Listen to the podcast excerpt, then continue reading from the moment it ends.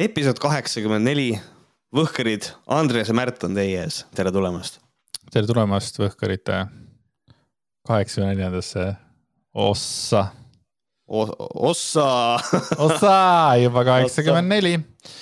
Äh, aga äh, juba kaheksakümmend neli, aga meil on äh, üks kurb uudis ka tegelikult. Ja, ja kurb uudis on see, et, et Võhkereid rohkem ei tule see aasta, see aasta. nagu niinimetatud tavakuulajatele, et nüüd järgmine nädal me salvest-, salvestame Patreoni novembrisse veel. ja siis detsembris on samamoodi tulevad kaks saadet Patreoni.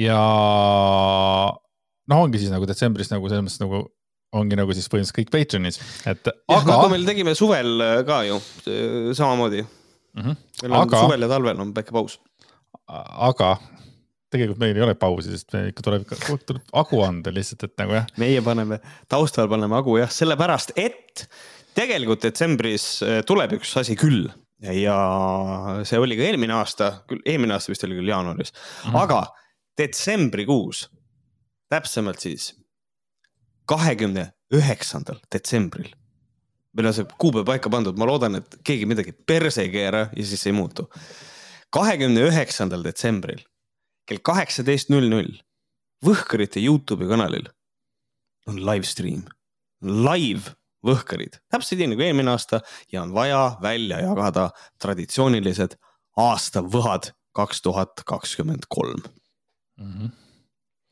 ma olen väga excited, ma olen aasta aega oodanud juba aastavõhkade äh, andmist, olgu, et vahepeal unustasin yeah. ära, et nimi on aastavõhad, mitte aastavõhk aga noh, see on juba möödanik. mõtle, kui, mõtle, kui igav oleks, kui meil oleks live stream, aasta võhk anname, anname ühe ära ja siis lähme laiali Yes. aasta võhk on võhkaid, aitäh, et te kuulasite. järgmise korra. mida vittu, mis siin toimus, üks minut laivi noh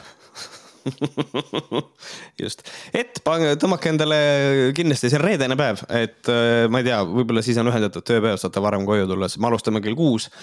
Äh, et jõuate koju äh, kiirelt söögi võtta ja siis võib-olla vaadata live stream'i ja kaasa chat ida ka, kellel on soov, et see kõik on võimalik, et see siis on nii-öelda ainukene see tavasaate formaadis, aga see ei ole ka väga tavaline, sest et see on ikkagi au, auhinnagala, see on suur, see on glamuurne. Mm nii et siis äh, sellel aastal veel äh, peale tänast saadet on meil kolm saadet Patreonis ja siis on aastavahed äh, kahekümne üheksandal. vot, aga Märt, mul on sulle oluline küsimus, mille ma küsin ära ja siis hakkan kohe oma lugu rääkima, et see ongi vaata niimoodi, nii see asi käib, vaata, et ma küsin, et hakata rääkima millegist. mida sina arvad nendest äh,, nendest meestest ja naistest, kes teevad oma tööd, näiteks Elisa Elisa vennad, need, kes näiteks Selverites seal on, nad tulevad küsima sinu käest, et äh,. Ähm, mul on üldiselt äh, selles mõttes ma, ma suhtun nendesse kui inimestesse, kes teevad oma tööd äh,. küll aga mulle ei, jah, tüütu on selles mõttes, mulle selline marketing ei meeldi äh,, sest et ma tahan rahulikult olla ja siis keegi tuleb, ma, mul on nagu see see on minu enda probleem ka, et mina olen nagu selles mõttes autist, et ma, kui ma lähen poodi, ma tean, ma pean ostma neid neli asja. või ma tean, mul on nimekiri olemas, ma tahan tegeleda selle asjaga ja siis keegi segab mind sellega, et hei, oo, kas sa oled mõelnud internetipaketi vahetuse peale, siis ma mõtlen, tõesti ei ole ja ei taha ka küll aga ma tean, et neid õpetatakse niimoodi, aga minu väga terav kriitika on see, et kui ma ütlen, et ma ei ole huvitatud, siis ära rohkem paku, aga nad teevad seda. aga üldiselt ma ei tea, ma suhtun nendesse niimoodi ja ma olen nagu selles mõttes äh,, mõtlen samamoodi, et teevad oma tööd, see on nende töö, on ju, et äh, ja. aga mul on ka nagu probleeme veits sellega, et äh, nad on hõivanud mingisugused kohad ja, ja mis iganes ärevushäire inimesel võib olla või mis iganes asi on. ja siis tullakse nende, neid kõnetama ja siis noh, ei, ei jäeta nagu rahule ka, mis ei ole nagu eestlaslik. aga siis mina käisin siis Prismas äh, eile ja siis, kui me sisse läksime, siis ei olnud, aga siis, kui ma tagasi tulin äh,, hakkasime ära minema. ja siis enne, kui ta jõudis minu käest küsida, ma ütlesin sulle, aga mul on sulle üks küsimus. siis ta vaatas mulle otsa. et mis, mis, mis emotsioone sinust tekitab see, kui inimesed alati kõnnivad minema või ütlevad, et oo, mul on kiire või mingid asjad, et mis, mis emotsioone mm. sinust tekitab? ta nagu mõtles korra, ütles, et ma ei tea, enam väga midagi ei tekita, et et alguses oli nagu ebamugav, on ju. Mhm. okei, arusaadav, aga et mis oleks hea ja viisakas võimalus äh, teile niimoodi ära öelda, kui ma päriselt ei ole huvitatud nagu. noh, näiteks, et mis oleks ja, no ei olegi sellist, et noh, et. Äh, on ikka et ta ütles niimoodi, et noh, kui ma ütlesin tead, aga et okei okay,, kui inimesed ütlevad, et neil on kiire, on ju, noh, noh ma eeldan, et inimesed ütlevad ka seda niisama, et noh, ma usun, et müügimees ei usu ka seda, et kellelgi kiire on, sellepärast teil kõigil ei saa kiire olla, vittu noh. no ei saa olla kiire. Ja siis ütles ka, et noh, kõige loogilisem või kõige nagu parem variant ongi see, kui lihtsalt inimene, et ta näeb, et inimesel on kiire, on ju. mis tähendab, et sealt ei tulnud tegelikult nagu vastust mm. et mis oleks see, mis tegelikult äh, rahuldaks seda müügimeest, et, et ta tegelikult ei jätkaks seda küsimust kusjuures, aga mina ise mõtlen seda, et kõige parem asi, mida saab öelda, on see, et, äh, et ma olen juba klient. mida tal on pakkuda inimesele, kes on juba klient? Ei, absoluutselt, see, see on see, ma just mõtlesin võib-olla ära, okei okay.. aga kui me aga..., aga, ma saan aru, mida sina mõtled, et mm -hmm. nagu äraütlemised ikkagi, mitte nagu just, see, et, et ma ütlen mõt..., valetan, noh kui ja. keegi on, tegeleb selle, selle tööga, siis võiks kirjutada kas siis meilile või, või siia alla Youtube'i midagi, et mis oleks hea võimalus ära öelda, ilma et ma peaks äh, hakkama iga kord valetama, et. et ühel päeval ütlen, et jah, mul on Starman, järgmine päev sama tüüp, jah, mul on Elisa, jah, mul on Telia, mul on kõik on olemas mm. -hmm. Et, või nagu äh, minu äh,, minu vana klassivend, kes, kes ei suuda inimestele ära öelda et siis ta LHV kutsus, äh, astus ülikonnas mees ligi oh,, yeah! ja siis ta vahetas panka. ja siis ta läks äh, sealt otse tagasi oma eelmisesse panka ja võttis, läks tagasi tegi enda elus siukse väikese seikluse. okei okay,, mul tuleb meelde üks selline lugu, et kui vanasti helistati äh, ja küsiti, et äh, äkki ma olen rääkinud seda lugu, vahet ei ole, ma räägin uuesti. ütle, kui ma olen, tunneb tuttav lugu ette. ja siis helistati, et noh, tahame pakkuda teile seda tolmuimejat, onju siis ma elasin veel äh, Alasi tänaval. no olgu, pohhui nagu, see oli ikka. tolmuimeja, Kirbi või? ei olnud Kirbi, see oli mingi another okay. one äh,. ja siis äh, tuli kohale nagu tegi selle ära, on ju seal äh, selle presentatsiooni, kõik oli väga ilus, on ju, ma ütlesin, et jah, et aga ma ei ikka ei taha, onju. ta ütles, et jah, et aga mul on vaja nagu see läbi mängida, vaata, tead küll, et siis ta helistab selle suurele bossile, vaata, et noh. ja, et meil on täna selline, selline pakkumine, siis ütleb noh, mingi numbri, ütleme, mis iganes, kolmkümmend tuhat onju. siis mina mõtlen, et ei, okei okay,, ma jah mm, ja ei, ja mul praegu boss ütles, et ainult täna, ainult sulle on no mingi, mis iganes mhm. üheksa tuhat krooni, euro, mida iganes on ju numbrit on ju, ma ütlesin, et ei, ikkagi mitte. sellepärast kõne ära ja siis oli, nii, siis me hakkasime rääkima siis me lihtsalt istusime seal, tegin teed. Siis me rääkisime mingi kaks tundi vist midagi taolist. Ja ajasime lihtsalt juttu ja ma olin just lahutanud ja siis see oli minu imidž, vaata, või mitte imidž, vaid see oli nagu minu, ma olin nüüd see, that guy. Ja siis me rääkisime, siis tema rääkis mingeid asju ja siis saime Facebookis sõpradeks ja, ja siis äh, kuidagi nagu, no me ei ole küll väga pikalt nagu niimoodi nagu suhelnud, aga äh,, aga siis me noh, saime, saime nagu niimoodi nagu no, sõpradeks, vaata. Aga mul jäi ostmata, et selline lugu on, et võib ka sõpradeks saada inimesega kui inimesed on mõlemad, ja, ava, on... mõlemad avatud suhtlema, vaata see on tore, ma mäletan siiamaani ikkagi seda kuradi äh, Zenzino kohvimeest, kes tuli mulle äh, isa-ema tallu esitlust tegema. ja, ja ta nägi selline, noh, ta oli konkreetselt üleeile vanglast välja saanud ja oli pannud endale ülikonna selga ja siis oli niisugune küsimus, noh endal nagu tekkis, et huvitav, et kui ma ütlen talle, et ma ei ole huvitatud, siis kas ta tapab meid ära või? see päris sihuke karm värk. aga mm, või ostsite siis?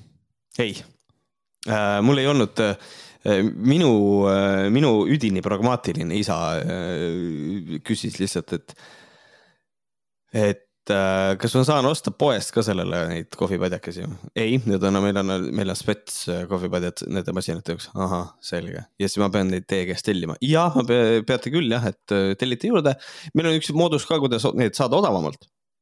aga noh, sellest me räägime siis, kui te olete kohvimasina ostnud. mis on võrkturundus mm., vana hea see noh, püramiid tegelikult. ja, ja siis isa oli, ahah, selge. ei noh, kohvi on hea jah, kohv on väga hea tegelikult muidu, aga me ei ole huvitatud. ja siis me ostsime kaks kuud hiljem mingisuguse oma esimese siukse kohvimasina, mis oli see Senseo padjakaste kohvimasin, universaalsed padjakesed. väga hästi ajas asja ära, no problems. aga kas siin Siina vend siis oli nagu tegelikult see, kes selle mõtte nagu pähe pani ikkagi alateadlikult või? Ei, seda kohvimasinat ma olin tahtnud ikka tükk aega, tundus normaalne okay. sihuke kohvimasin, mida, et vajutad ja teeb kohvi, et äh, see on juba hea asi nagu. sul on endal ka praegu ka selline asi kodus, eks ole mm? -hmm, just, loomulikult mm.. muidugi Meil... nüüd mul on nagu, mul ei ole padjad, nüüd mul on see, et ma panen oa sisse ja kõik see, et aga, aga jah, ikka. me veel võitleme selle vastu, et me veel elame selles ajas, kus tehakse pätikat, vaata endale et okay, okay. ma võitlen nagu Tiktokiga võitlesin, ma üks hetk sattusin sinu Discordi ja siis äh, nägin, et keegi oli äh, seal arutlenud korra, et, äh, et Andreas oli mingi äkki kolmandas saates öelnud, et ja, ja. TikTok on mis iganes asi, et et kes iganes seda öelnud, siis tegelikult Andreas rääkis juba mingi kaks tuhat mis iganes asi, siis ma paningi ikka hullult TikTok'i maha. ja siis üks hetk ma sain aru, et see on see asi, kuhu ma ei julge sisse minna, sest et ma kardan sõltuvust ja siis ma nagu ei teinud Tiktoki sellepärast ja nüüd, kui Võhkarite Tiktok tuli, onju. ja kui ma sinna sisse läksin, siis jah, läks täpselt nii, nagu ma kartsin. jah, ma olen sõltlane, ma ei ole küll segane, aga ma ikkagi olen sõltlane natukene. et ja, ma pigem kartsin Tiktoki selles mõttes, et mul oli hirm ma ei tea, kuidas, kuidas kutsutakse neid, äh, kes kardavad Tiktoke. Tiktokofoob, ei? Sitafoobia äh, ma ei tea et, et no jaa, aga jumal küll, kui te tegite seda, mis see siis, kuradi erilase pesa, kui te tegite, siis ma mäletan sealt ka, te olite ka väga negatiivselt meelestatud influencerite vastu. ei, ei, ei, muidugi siia, ei, siiamaani, ei, ja ei, inimesed, vaata, inimesed arenevad. just, just. inimesed just. arenevad selles mõttes, et, et jah. ja vahel ka taandarenevad, näed. Ei, ikkagi arenevad, ikkagi tulevad aega kaasa jah, ei, see kõik on õige ja, aga, aga seda oli tore näha, et nagu keegi mäletas seda, et kurat, kolmandas episoodis Andres ütles, et ja nüüd on ise tikk, what? aga see on tore, see on tore. söön, söön oma sõnu vahepeal, ma olen nagu see ähm, Tsahkna.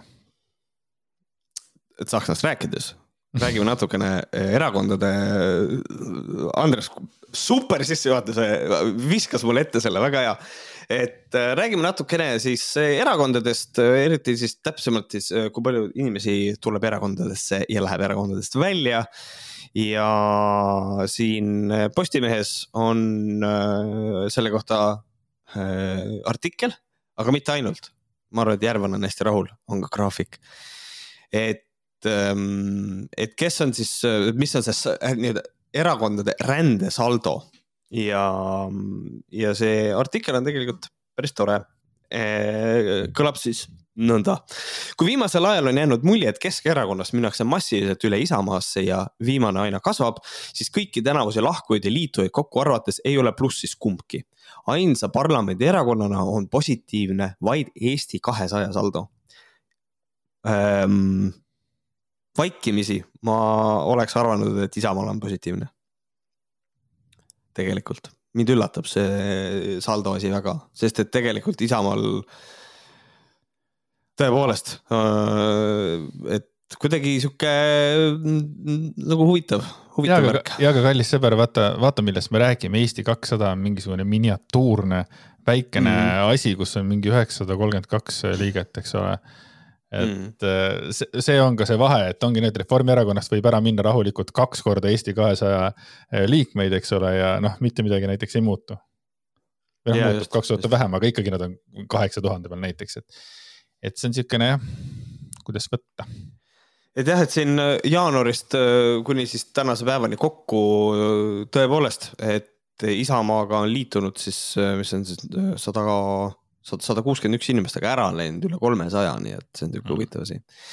Eh, Keskerakonda tabas suurim lahkumislaviin juulis, eh, järgmine suurem lahkumiste laine oli septembris, mis oktoobris veidi vaibus. eelmisel kolmapäeval teatas kümme aastat Keskerakonnas olnud eh, riigikogu liige Maria Jufereva-Skuratovski, et lahkub senisest koduerakonnast ja astub Reformierakonda kahjuks on võimuvõitlus erakonna sees viinud selleni, et me oleme kaotanud nii vajaliku tasakaalu kui ka selgema arusaama, kuhu me suundume ja mida saavutada soovime, selgitas Juhrev-Skuratovski oma Keskerakonnast lahkumise tagamaid mm. -hmm.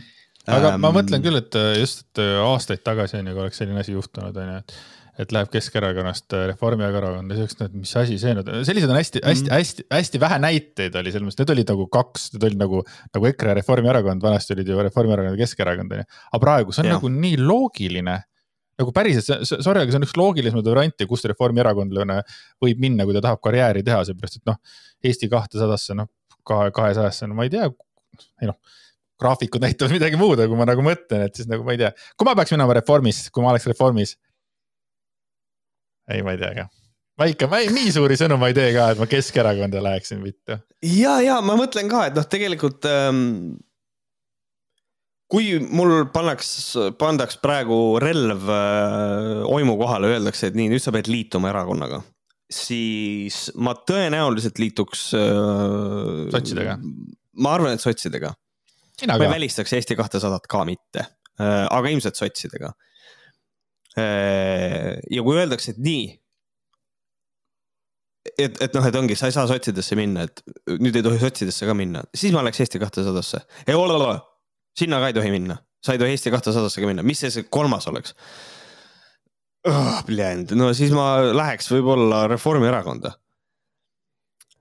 Okei okay,, aga sinna ka mitte, siis hakkavad tulema, ma ei tea, siis võib-olla astuks pulli pärast rohelistesse, vaataks, mis Evelin Sepp räägib ja teeks mingit sihukest, sihukeseid lollusi hakkaks ka tegema, aga, aga jah, et ähm, et sihuke huvitav asi, aga küll tegelikult noh, nagu näiteks noh, Keskerakonnast minna Reformierakonda on minu arust on see nagu imelik. Ehm, maailmavaateliselt on see natukene imelik, aga, aga noh, me ei saa, ma saan aru seda, et Keskerakond oma nimes peaks olema nagu siis äh, nii-öelda selle äh, noh, keskel, et kui me räägime, et kas nad on konservatiivsed või liberaalid Eh, parem või vasakpoolsed, eh, kõik sellest, nad peaksid olema kuskil keskel, aga noh, tegelikult ei ole, Keskerakond on olnud kogu aeg nagu ikkagi üldiselt natukene seal vasakul pool, et noh, näiteks Keskerakond on algusest peale, mitte algusest peale, lollakas. esimesena alustanud tegelikult seda astmelise tulumaksu juttu, mis on väga vasakpoolne jutt. aga aga ma saan aru sellest ka, et kui on väga suur erakond, siis selle erakonna sees on ka erinevad tiivad, et noh, Isamaal on hea näide, et Isamaal oli ka parempoolsete tiib. ühel hetkel see tiib kärbiti sealt ära, siis nad tegid omaenda mõttetu erakonna, mis läks valimistele. ja mäletad, mis sa ütlesid, mida parempoolsed teevad praegu? on sul meeles või, kuidas sa ütlesid, mida parempoolsed teevad? võtsid, võtavad suhu, aga ma ei mäleta, kus oli ta poe taga või? midagi sinnakanti, aga ma mäletan. midagi noh, noh sihukest jah, et, et ja, ja mäletan ikka, et noh, see on veits samamoodi nagu Urve Palo oli noh, sots, aga nüüd liitus Isamaaga, et see on täpselt samasugune sihukene oh, hold on, wait a minute moment, et ähm, aga nagu okay, ma Steamist rääkisin, siis. kas, kas, kas seda võib nüüd nimetada karjääripoliitikute nagu sammudeks või? Sellepärast, et äkki Urve Palo on ka nüüd, nüüd on plaan uuesti karjääri teha, Isamaa on nagu selles mõttes nagu õige koht ja samamoodi mm -hmm. Skurato-, Skuratovski, eks ole, et noh. Reformierakond siiski on ikkagi nagu fantastiline platvorm ikkagi ju. ja tegelikult, sul on õigus, et ma tahtsin sulle hakata vastu vaidlema, et Urve Palo noh, tegelikult läks ju poliitikast eemale, onju, aga, aga kui ta tahab nüüd tulla areenile tagasi, siis loomulikult läbi Isamaa. Äh, selles mõttes kindlasti, äh, sest et Isamaal, Isamaas Urve Palo see teeb, see on, ületas uudise kümnis, see kõik on, see kõik on tegelikult jaa, absoluutselt, see on juba noh, sihuke karjääripoliitiku tagasitulek nagu selles mõttes. aga see, see devalveerib nagu poliitikat üldiselt nagu tervikuna minu arust poliitikuid, sellepärast et siis ongi nagu see, et noh, tegelikult mitte miski ei ole nagu raiutud. kuigi me võime muidugi seda argumenti ju ka ja see on okei okay öelda, et noh, jaa, aga inimeste seisukohad ju tegelikult ka muutuvad ajas. et ähm.... aga miski, aga mitte miski ei olegi ju raiutud tegelikult elus ju ei no ongi, poliitikute seisukohad ju ka muutuvad, et nagu selles mm -hmm. mõttes, et Urve Palo ka oli sots, siis läks, töötas ettevõtluses, siis sai aru, et türa, siin peab makse ka maksma ja siis läheb Isamaasse, mis on nagu natukene parempoolsetesse veel ei lähe, aga, aga et ühesõnaga, et ikkagi sihuke ju tal, ju tal siis muutus midagi.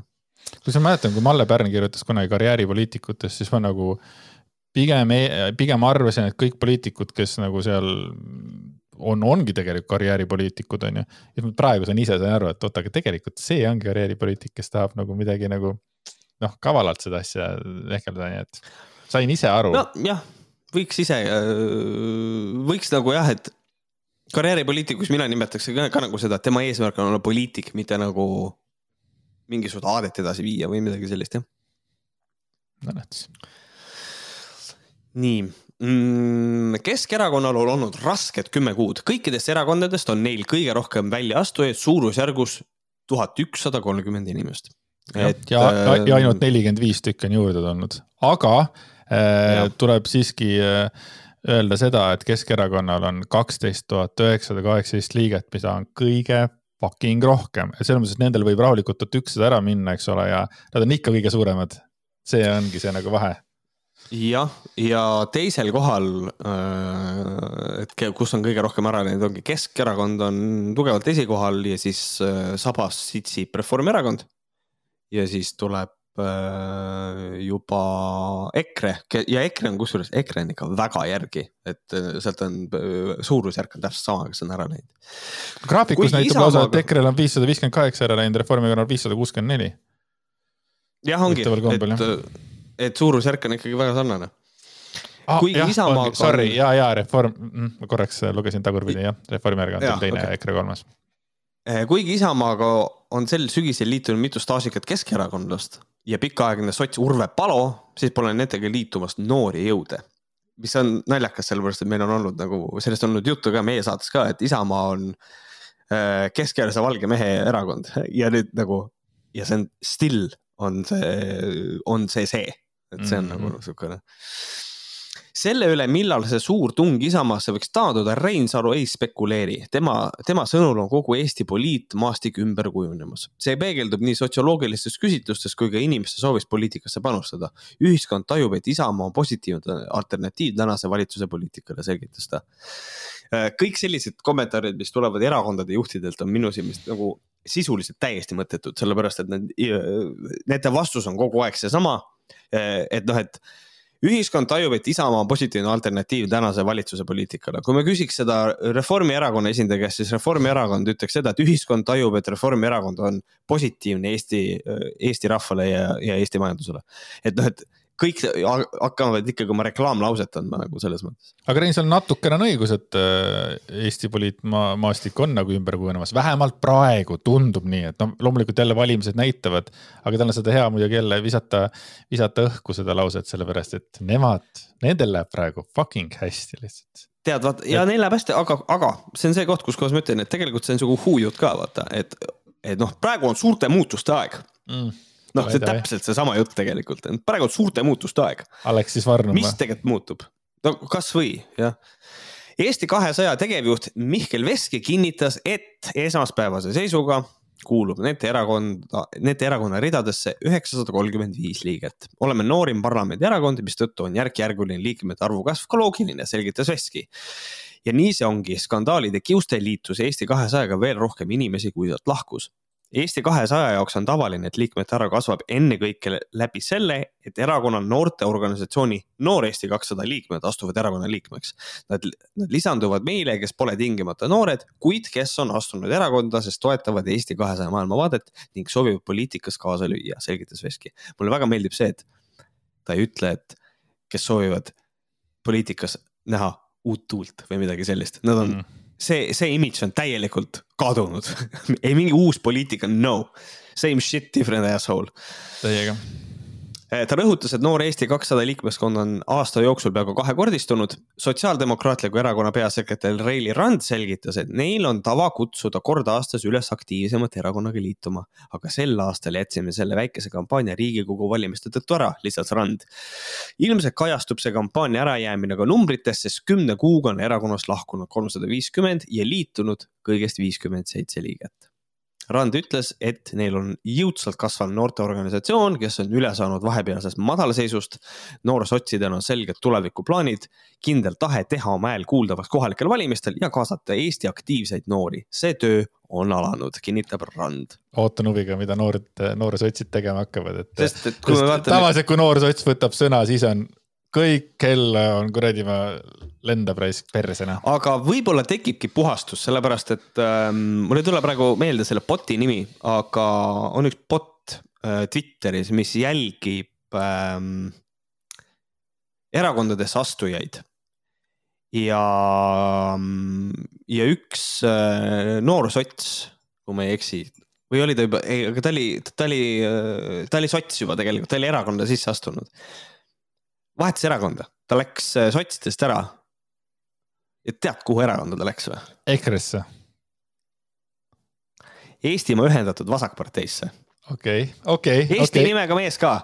et okay. siis nagu tekib küsimus, et nagu türa, tegelikult, tegelikult te olete, tegelikult te olete fucking lollakad peast kõik seal raisk et nagu kuradi, kuidas üldse see võimalik on, aga, aga see ongi noh, kui noorusotse nagu jälgida, siis sa saad tegelikult aru, et noorusotsid on oluliselt ähm, rohkem siuksed ähm, nagu ütleks äh, Volkonski siis, et siuksed verimunnis noored on seal nagu, et Äh, noh, keeb ja, ja sihuke kuradi noh, äh, revolutsioon, noh, et noor sots tõenäoliselt on see, kes pannakse Che Guevara särgi ka selga nagu.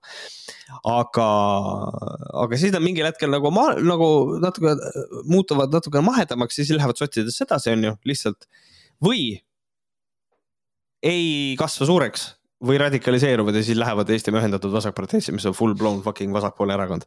et, äh, et noh midagi, midagi nagu sellist. Äh, et see on nagu huvitav asi, mida mina tähele panin, et kuradi ja ongi vasakparteisse, see on seesama kutt, kes kirjutas artikli Iisraeli ja Palestiina kohta ja ütles, et Hamas on, ei ole nagu terroriorganisatsioon, vaid on kodanikuaktivism, mis on natukene noh, organiseerimata Fucking crazy person tegelikult. vot aga kas selliseid artikleid, nagu nad saadavad ise, ma eeldan, eks ole, siis need äh, avaldatakse tasuta? ikka jah, ikka jah hmm.. kas ma olen vahepeal mõelnud, kas nad saavad selle eest nagu oma arvamuste eest raha ka või? ma ei usu, kui see on arvamus, siis ei saa.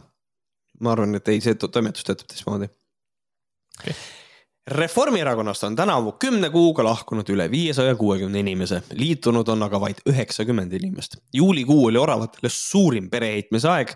siis pani lahkumisavalduse lauale terve Riigikogu jagu liikmeid ehk rekordilised sada üks inimest. ilus Reformi..., ilus lause. jah, väga tore. Reformierakonna peasekretär Timo Suslov meenutas, et erakonnal on üle kümne tuhande liikme see, see tundub mulle cope, see on nagu see, aga need üle kümne tuhande protsent on ju väike ei, aga miks ta kaup on, ma rääkisin Keskerakonna sama kohta tegelikult sama pointi, et vaata, kui suured ja. nad on, noh sealt lähebki, sealt saab, seal ongi võimalik rohkem minna ju. no ei tea, kui kaup see on, point on õige ju. okei. olgu. lahkunud on enamasti need, kes pole pikka aega erakonna tegemistes aktiivselt kaasa löönud. tihti isiklikel põhjustel näiteks soovitakse pühendada rohkem aega ja energiat tööle ja pereelule, selgitas ta põhjuseid. Need on siuksed asjad, vaata meie tegelikult ei tea seda, meie nagu, meie näeme palju ära lähevad, palju juurde tulevad, aga me ju tegelikult põhjuseid ju ei tea. et, et see on nagu hea lihtne asi öelda, et taheti nagu pühendada oma aega tööle ja perele, aga tegelikult me ei tea, kas mindi ära sellepärast, et fucking Kaja Kallas, noh, et noh, me ei, me ei, me ei tea seda. Suslov rõhutas, et erakonnaga liitub samas ka uusi inimesi. äsja teatas Reformierakonna liitumisest näiteks Riigikogu liige Maria Jufereva-Skuratovski, mainis Suslov. ma, ütlen, et see on sellise asi, et noh kas ta leidis mingi asjana, mingi positiivse asja ja siis ta, nagu miks nii, sorry, aga miks nii suur asi nagu tehti sellest äh, Jufereva-Skuratovski teemast nagu äh,? sellepärast, et ta on kümme aastat olnud Keskerakonnas, aga teine asi veel, ta on Riigikogu liige. see on okay., ka sellepärast, see tähendab seda, et äh, fraktsioon kasvab ühe liikme võrra. Keskerakonnal on fraktsioon läheb väiksemaks. on, on see nii must, must ja valge või? ja ta ju vahetab ju erakonda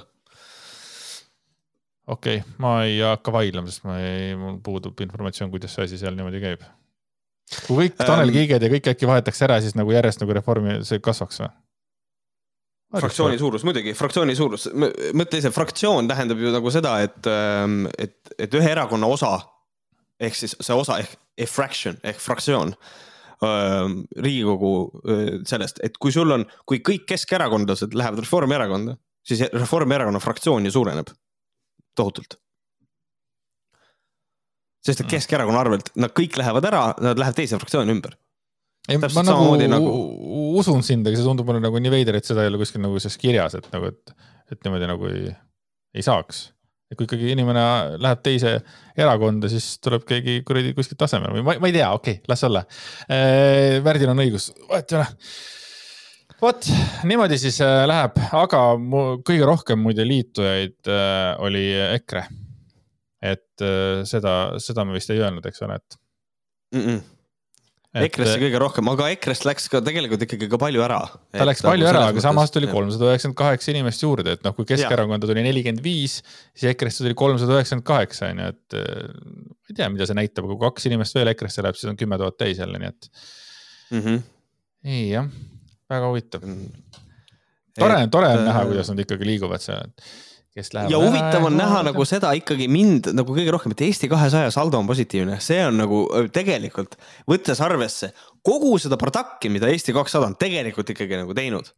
siis on huvitav näha, et saldo on positiivne no,. ainukesena, what the oli, fuck. seal ei ole inimesi ka, nii et ei, aga olgu äh,, lähme edasi äh,. meil toimus äh, nädalavahetusel äh, asju ja ühe asja nimi oli üks väga suur üllatus äh, Äh, Kaja Kallas äh, on jälle Reformierakonna esimees. jah, just uskumatu ja siin tegelikult vahepeal oli ka suur-suur üllatus, tuli ju veel. ei, sellest äh, räägime hiljem. sellest räägime hiljem. sellest räägime hiljem, no mm olgu, räägime sellest hiljem. et see oli täiesti üllatus kõigile ja siis Herman Kelomees on kaheksateistkümnendal novembril teinud ka Eesti Päevalehte artikli Kaja Kallas kaotas mitmele Reformierakonna juhatusse kandideerinule, on siis artikli pealkiri. ja seal ta kirjutas siis ka eelmisest äh, üldkogust, et eelmisel Reformierakonna üldkogul, kus esimeest ja juhatust valiti, osales juhatuse valimisel tuhat ükssada kakskümmend kaheksa liiget. Kaja Kallas sai siis üheksasada kaheksakümmend neli häält ehk kaheksakümmend seitse protsenti võimalikust häälte saagist. ta edestas tollast edukaimat juhatuse kandidaati Jürgen Ligit saja seitsmekümne kolme häälega esimehe hääletusel osales seekord üheksasada kolmkümmend üks väravate liiget, Kallasele anti kuussada kolmkümmend kuus häält, mis on kõigest kuuskümmend kaheksa protsenti. täna me räägime ainult protsentidest, kallis Võhkõrte kuulaja, me räägime ainult ja. protsentidest.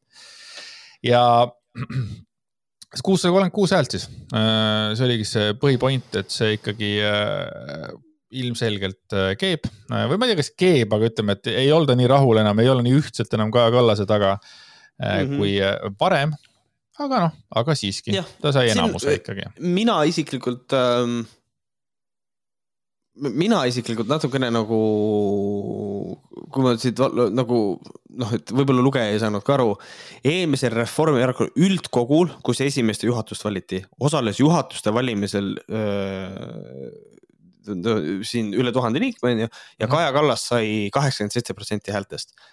aga ja nüüd ma saan aru niimoodi, et äh, ta teeb, toob võrdluseks äh, selle aasta esimehe hääletuse mm. -hmm. et tegelikult ta võrdleb kahte erinevat hääletust, üks on juhatus, teine on esimehe valimine. Äh, küll aga kõige selle, kõige selle nagu kontekstis ikkagi tasub natuke kriitiliselt seda asja vaadata ja aru saada, et tegelikult Kallasel on erakonnasisene toetus kukkunud väga palju aga nüüd ta ütles ka, et üle järgmisest siin läheb edasi vaata, et äh, juhatuse valimise sai Kristen Michal seitsesada kakskümmend kaheksa, Hanno Pevkur seitsesada üksteist, Jürgen Ligi kuussada nelikümmend häält. üle-eestiliselt osales tuhat kolmkümmend kaks reformierakondlast. võrreldes selle arvuga sai Kaja Kallas kuuskümmend kaks protsenti jah, siis edasi ta jõuab jah sinna, et mm, -hmm. et, et, et see kukkumine isegi juhatuses on nagu suht palju ja hästi mm -hmm. oluline ongi nagu see, et äh, juhatuse valimisel ei saanud Kallas kõige rohkem hääli juhatuse liikmena nagu mm -hmm. nii-öelda, et see on äh, tegelikult ikkagi nagu väga selge, väga selge nagu sõnum ja siit võib näha ka seda, et kes on, kes kõige rohkem hääli said. Äh, Michal ja Pevkur, mis tähendab Ikka, seda, üks neist. kaks, kaks sõpra, Pevkur ja Michal. Noh. et äh, üks neist on järgmine Reformierakonna juht mm.. eks ta nii vist paistab jah. nii kipub olema jah aga see tähendab seda et, et äh, kolmkümmend kaheksa protsenti Reformierakonna üldkogu hääletusel osalenud ehk siis kolmsada üheksakümmend kuus liiget ei toetanud Kaja Kallast. Äh, ja siis siin on veel veel üks meenutus, et Reformierakonna viimane kahe kandidaadiga esimehe valimine toimus kahe tuhande seitsmeteistkümnendal aastal, kui Hanno Pevkur kuuekümne kahe protsendiga võitis Kristen Michalit kolmkümmend kaheksa protsendiga. ja ah,, ja siis on muidugi see on kõige, kõige huvitavam on see, et äh, järgmine osa siis, et Reformierakonnast rahandusminister jääb Reformierakonna juhatusest välja, on katastroof talle ja veel üks soomärk Kaja Kallase positsioonile, mis tähendab seda, et äh, Võrklaev ei saanud juhatusse. ja see oli. rahandusminister ei saanud, ei saanud isegi mitte Reformierakonna juhat-, juhatusse. Nagu. What? väga naljakas, väga naljakas mm. -hmm ja siin on ka, et parem liberaalses, liberaalses aastakümneid end rahandus pädevusega ehtinud parteis ei ole rahandusminister seitsmeteistkümne tähtsuse, tähtsaim otsustaja seas veelgi kõnekamaks muudab Võrklaeva põrumise see, kui mitut juhatusse kandideerinud varasemat Reformierakonna rahandusministrit saatis edu. näiteks kuuluvad uude juhatusse nii Jürgen Ligi, Aivar Sõerd kui ka Maris Lauri. peale Võrklaeva jäi välja samuti üks Kallase soosikuid olnud eelmine rahandusminister Anneli Akkermann et seal ja toimub ja ikkagi, ei tegelikult võib öelda ikkagi, et keeb tegelikult sees ka ikka. Äh, ma arvan, et, ma arvan, et äh, ma arvan, et veits sisiseb jah, sest et tegelikult ikkagi on, et on nagu näha seda, et mingisugune Kallase seljatagune hakkab vaikselt ära kukkuma küll ja, ja see ongi nagu see. Natukene kurb on seda küll näha, onju, aga, aga noh, võib-olla see on nagu veits wake up call, et nagu võib-olla, võib-olla parandate kommunikatsiooni, võib-olla natukene mõtlete, mõtlete üle. Ja tegelikult nagu ja tegelikult on hästi tore nagu seda ka näha, et mismoodi Reformierakond on tegelikult ikkagi Eesti kahesajal naljakal kombel ikkagi täiega haardes, et äh, õpetajate see palkade asi tegelikult ka ikkagi sööb Reformierakonda väga tugevalt, sellepärast et äh, õpetajad on kõik nagu what the fuck, et meie ees seisab praegu ainult Eesti kakssada, on ju. et see on, seda on, seda on väga huvitav näha, mismoodi väikene osa valitsusest tegelikult on võtnud munad pihku, nagu öeldakse. Kallase munad. jah. nagu öeldakse, ikkagi esimees. Mm -hmm. aga kuna ma siin jutu viisin Eesti kahesaja peale, siis Eesti kahesaja üks suur rahastaja, äh, Joakim Helenius mm,, siis tegi seda, mida teevad kõik tublid ja targad inimesed, ehk siis Eesti kahtesadat juhatust ja selle sisepoliitikat võrdles äh, ikka Putiniga, äh, mis on nii popp asi, mida teha kogu aeg. ja, aga ma tunnistan ausalt, et Tanel, Tanel Saarmanni poolt, äh, kes selle intervjuu nagu kokku keevitas, see artikli tegija on see ikka nagu minu arust väga hea töö, sellepärast et äh, Helenius ütleb äh,, ütleb väga palju huvitavaid asju minu arvates, vähemalt mm -hmm. minu jaoks, et äh, võiksid mõned huvitavamad kohad nagu ette ka lugeda teile hiljuti Eesti kodakondsuse võtnud Joakim Helenius ütleb, et armastab Eestit nagu noort armsamat, kirglikult. ta loodab väga, et Eesti kahesaja juhatus otsustab ümber ja lükkab uue esimehe valimised edasi. mida sina armastad äh, nagu noort armsamat? noh, kirglikult. et mida, keda mina praegu kirglikult mida, armastan? mida sina kirglikult armastad, kui Joakim Helenius armastab Eestit kirglikult? sina armastad, mida, mida sina armastad Eestit mida sina armastad kirglikult? Ma nagu selles mõttes ma, ma väga armastan oma lapsi, aga ma ei ütle, aga ma ei, mitte nagu kirglikult niimoodi, see kuidagi, ma ei, ma ei oska öelda.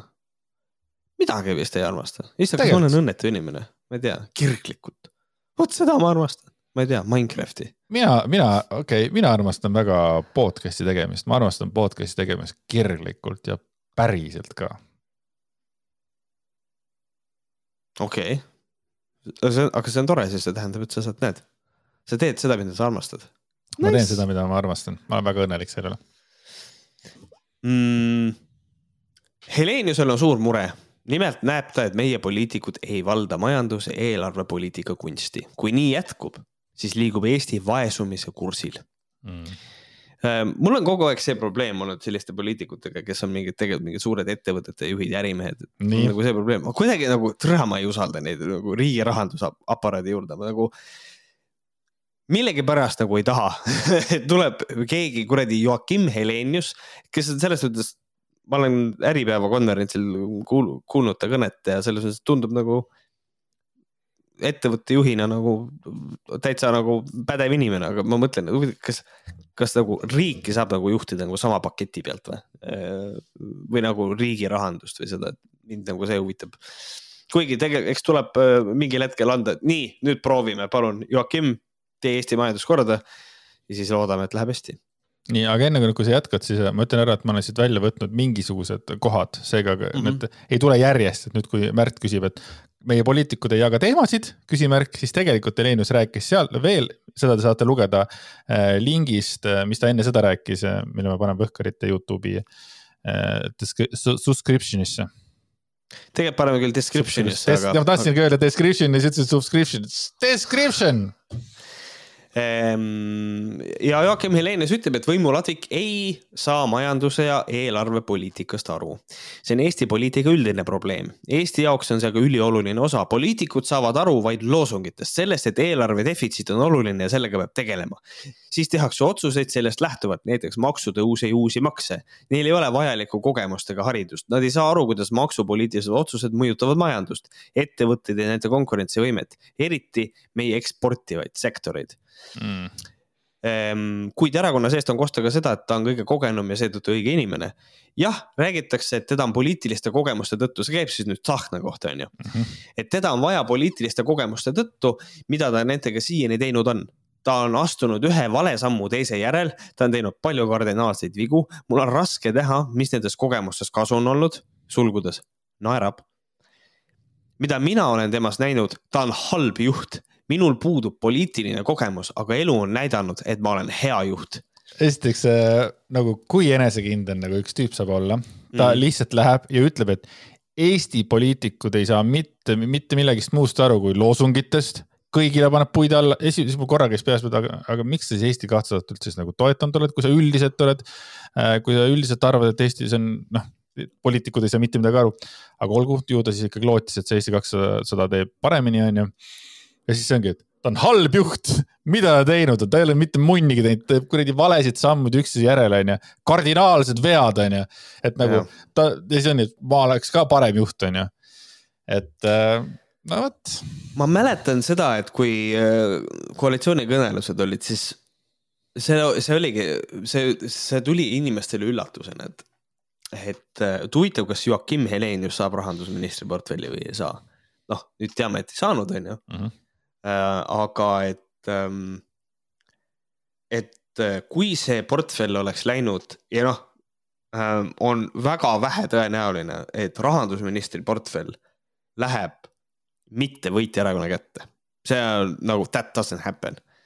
aga kui see oleks niimoodi läinud, siis huvitav, kas ta oleks rahandusminister ka olnud või mitte. mis see siis I, oleks? I truly wonder. mis sa no, mõtled sellega? no et, et. tema oleks saanud portfelli ei, aga minu küsimus ongi nagu see, et huvitav, kas ta oleks olnud Eesti kahesaja okay. nagu see kandidaat või? ja siis no, kui küsitakse, et kes oleksid paremad kandidaadid, siis äh, esimeheks, et kas teie ise ja siis ta vastab, et mina ei lähe kandideerima, mul on käed-jalad tööd täis enda ettevõtete juhtimisega. kui ma peaksin valima enda ja tema vahel, kelleks on siis Tsahkna, ma kordan eh,. siis ma valiksin enda. ehk olen liiga enesekindel tahan, et leiaksime rohkem minu moodi inimesi erakonda juhtima. enesekindla, enesekindlusega sellel vennal lihtsalt ei ole probleeme, et äh, Jep. oleks endal ka natuke nii palju enesekindlust, noh. ma valiksin mm. enda olen selle võrra, olen selle võrra realist, et hoolimata kõigest, mida mina ja teised on teinud, on lõpptulemus see, et temast saab erakonna esimees. aga veel kord, protsess peab olema demokraatlik, kui ei ole, siis on tegemist piinliku farsiga. meil on erakonnas ka juhatuses palju tarku inimesi, ma ei tea, kuidas see sai juhtuda, tegid nii lolli otsuse.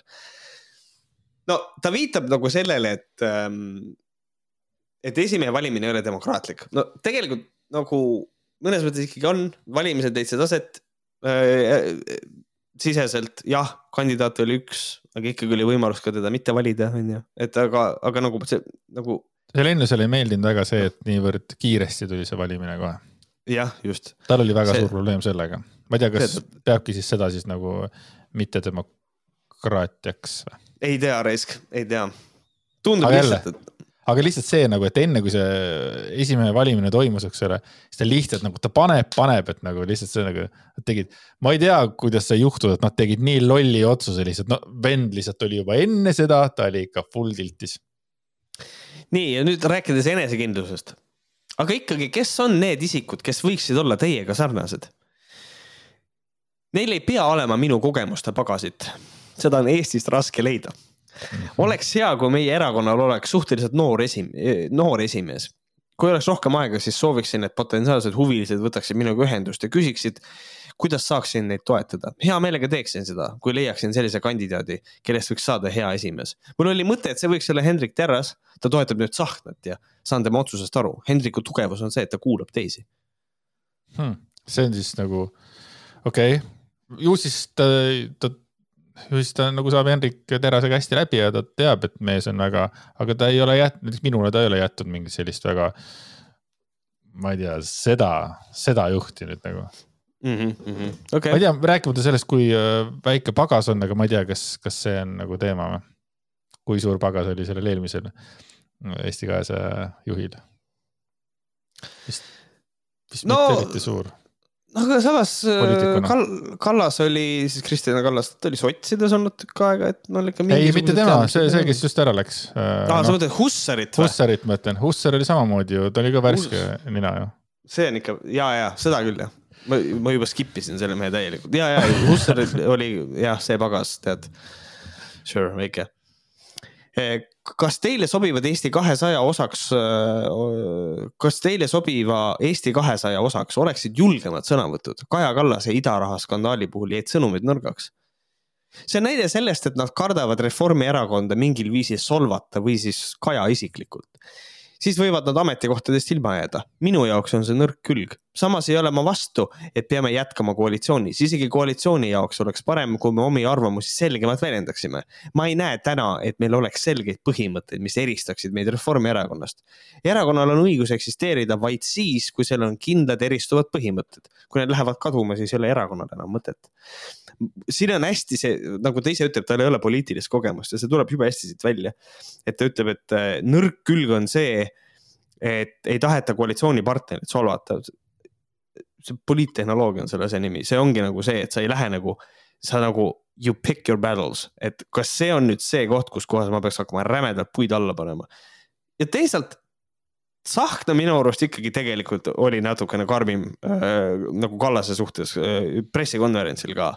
ta ikkagi mõistis selle asja hukka nagu rohkem kui Kallas ise, et ähm, et noh, ma ei tea, kas ta seda pressikat ei näinud või nagu, mis Heleniusel juhtus, aga, aga minu arust nagu see ikka oli. kui sa oled Joakim Helenius ja juhid mitmeid ettevõtteid ja su, sa võid öelda mida iganes mi,, ükskõik kellele teha mida iganes selles mõttes, siis ma kujutan ette, et tema pähe ei mahugi, et on olemas inimesed, kes nagu ei, ei võitle enda eest või ei ütle nagu täpselt kõiki asju välja, vaata. ma arvan seda, noh kui palju te olete projekti nimega Eesti kakssada raha pannud? Just vaatasin üle, et kakssada seitsekümmend seitse tuhat eurot olen erakonnale annetanud, see on suhteliselt suur summa. hea oleks, kui keegi kuulaks ka minu mõtteid.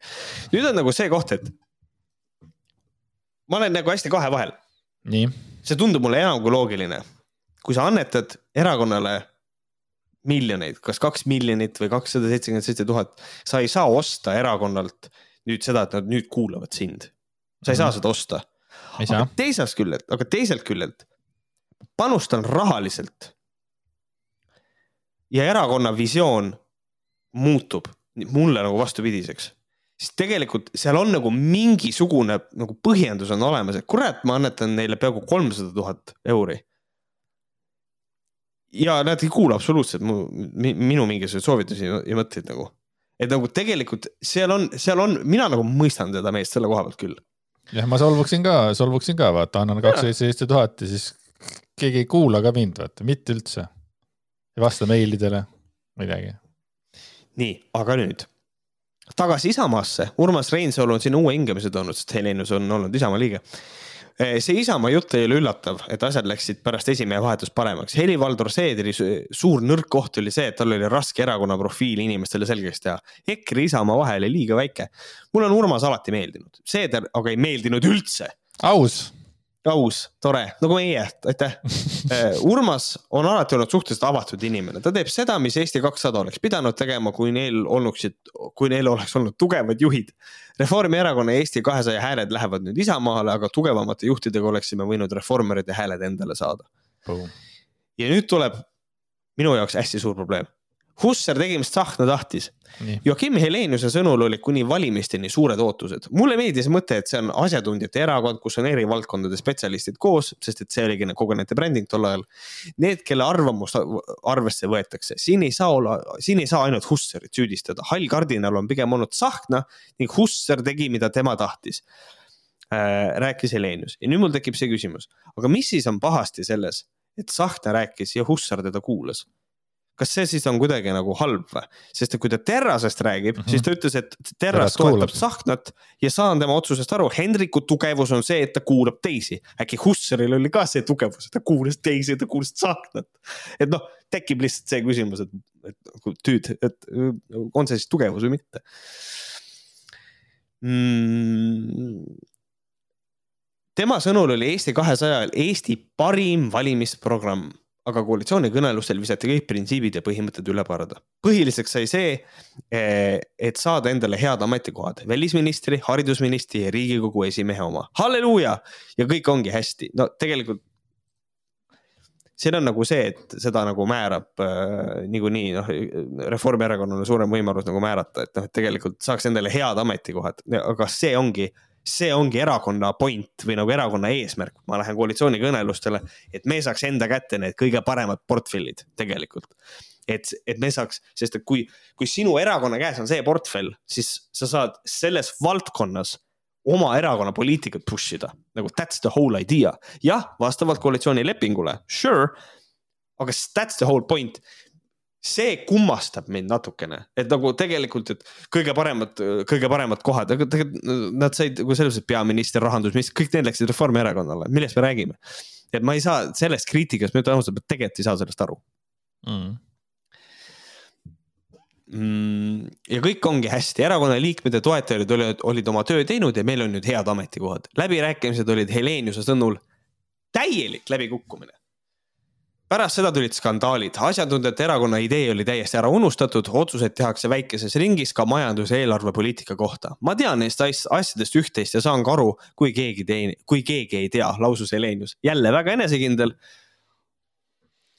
mine Reformierakonda, sellepärast, et aga ma, ma ise arvan seda, võib-olla ta lähebki sinna, sellepärast et ta räägib, et nendel kahel erakonnal, Eesti kahesajal, Reformierakonnal ei ole suurt vahet, et noh, tegelikult nendel ei tehta, et äkki, äkki ta läheb rehvi no igatahes ta astus ilusasti välja, et äh, täna siis ilmuski mm -hmm. uudis, et äh, astus Eesti kahesajast välja, on ju, ja Heleni sõnus, sõnul oli selleks peamiselt kolm põhjust. esiteks pettus ta Eesti kahesajas kui erakonnas, sest erakond pidi tooma Eesti poliitmaastikule uued tuuled, kuid kukkus selles läbi. sellest me saime aru, et ta on fucking pettunud. teise põhjusena tõi ta välja erakonna uue esimehe Margus Tsahkna öeldu Margus Tsahkna ütles, kui erakonna uus, ei, eh, sorry, eh, Helenis ütles, kui erakonna uus esimees ütleb, et ma olen oligarh ja räägib nendest toetustest, mis ma olen erakonnale andnud. ma arvan, et see on väga kurb suudis, süüdistus, kurb kuulda midagi sellist, sellise esimehega on raske edasi minna, sõnas ta. ja mis ütles Tsahkna siis, Tsahkna ütles siis eile Päevalehele et Helenius peab aru saama, millises erakonnas ta on ning oligarhilised lähenemised erakonnale ei sobi. kui lugeda tema väljaütlemisi, et kui üks või teine asi ei sobi, aga tehtaks talle sobivaid lahendusi, siis annaks ta raha. Eesti kahesajas raha eest poliitikat ja kohti osta ei saa. mõnes teises erakonnas on seda varem tehtud, aga Eesti kahesajas on oligarhiline lähenemine olemuslikult vale, rääkis Tsahkna vot mõlemalt poolt shots fired ja kolmanda põhjusena lahkumiseks pani siis Helenius välja põhjuse, et Eesti tegeleb majandusega valesti ning riigiaparaati oleks olnud, oleks vaja oluliselt ümber teha, seda, sellest me ka äh, lugesime just. vot, et äh, nii ta on. Äh,, bye bye Helenus, vaatame, kes saab siis tema nagu selle äh, raha, raha endale. Aga ma ei tea, kas siis nagu siis, ma ei tea, kuidas see nagu see käib, see nagu see, et kas nagu räägitakse midagi enne läbi ka, et äh, okei okay,, ma kavatsen teile nüüd raha anda, et mul on mingisugused sellised mõtted, et kas neid saaks või kuidas see asi käib, et noh ma arvan, et igatepidi võib olla. sest praegu no, hetkel ma täpselt tunne, et ta lihtsalt nagu on loop, loopinud seda raha lootuses, et midagi muutub või? või tal olid mm -hmm. mingid mhm. diilid vanade bossidega, ma ei tea, sest ta on ikka Ussari peale, Ussar pahane, Tsahkra pahane, keegi midagi ei tee, kõik lollid. jah, et siukene kahju, aga noh, aga nii on, aga siis me jõuamegi selle uskumatu uudiseni, täielik ja. šokk Äh, tähendab nagu Reformierakonna puhul täiesti uskumatu tulemus, et Tsahkna valiti partei juhiks Eesti kahesajas wow.. erakordne jah äh, täiesti erakordne, et Tsahkna sai valimistel siis äh, sada kaksteist häält ja siis Arko Okk, kes siis oli tema oponent, sai massiivsed neliteist häält. palju Ernits sai, palju Ernits sai Helme vastu? Tere, mul ei tule, mul ei ole nagu meeles, aga oli. mul ei ole meeles jah. aga Arko Okk mulle väga meeldis Tarmo Jüristo nali, et Arko Okk ütles, et ta sai neliteist häält, et see tuli talle üllatusena. ja siis äh, Tarmo Jüristo vist tweetis teda niimoodi, et huvitav, kas, huvitav, kas talle tulid kõik neliteist häält üllatusena et nagu iga, mis asja, what järjest. kuule, näed, see EKRE-s oli ikkagi kõvem, Ernits oli kõvem kandidaat, ta sai nelikümmend kaks häält, Martin Helme sai kolmsada kaheksakümmend üks. et äh, igasugused Arko Okid, mis asi see on? no kurat, no kui nüüd hakkame protsentidest rääkima, siis Arko Okk sai ikka nagu protsentuaalselt ikkagi noh, nagu mm, ikkagi et selles mõttes, et ikkagi Ernits sai ka rämedalt suhu seal. jah, jah, sama vist enam-vähem ehm,. Lauri Hussar oli oma tervituskõnes tugevalt sahkna selja taga Ernits sai rämedalt suhu ma annan hea meelega juhi positsiooni Tsahknale edasi, ütles ta, ta ei jätnud kasutamata võimalust kritiseerida teise kandidaadi Arko Oki seisukohti. Tsahknale pole vaja selgitada, mida kuritegelik Kreml valesti teeb, ütles Hussar, ja juhi kandidaat, filmimees Arko Okk sõnas oma kõnes, et erakonna usaldusväärsus on kaotatud. minu poole on pöördunud hulgaliselt erakonna liikmeid, et nii enam teha ei saa, rääkis ta. ta lisas, et erakond on liikmetelt alatult kaperdatud et kujuta ette, et see suur hulk erakonna liikmeid äh, ja ta sai neliteist häält.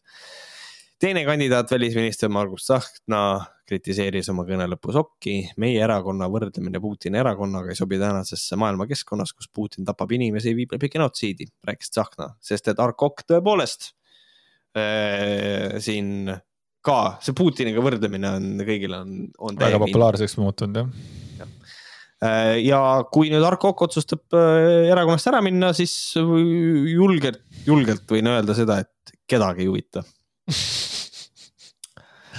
aga kuhu ta läheb, mis sa arvad, kas ta läheb ko-, ei, kas ta läheb kuhu ta läheb muidu? perse no. just, et Arko Okk kaua seal vastu peab nagu. aga, aga perekonnanimi on tore vähemalt tead, kuhu ta läheb, ta läheb Eesti kahesajas minema, sinna ta lähebki, vot, vot ma tõesti, vot ma tõesti ei tea, aga üldiselt kogu see kriitika, et see spetsialistide erakond ja kogu see asi, see kriitika, ma ütleks, et see on aus, see on täitsa aus kriitika, sest et see on kuidagi nagu kadunud, sest et meil on nüüd ikka needsamad vanad kalad teevad mingeid asju ja ongi nagu. et selles mõttes äh, Joakim Heleniusega ikkagi ma mingil määral nagu, ma nagu nõustun tema selle kas pahameelega või nagu sellega nagu natukene nagu ma, ma, ma, ma tunnen ka, et Kristina Kallas on see, kes on nüüd eh, meil haridusminister ja nagu noh.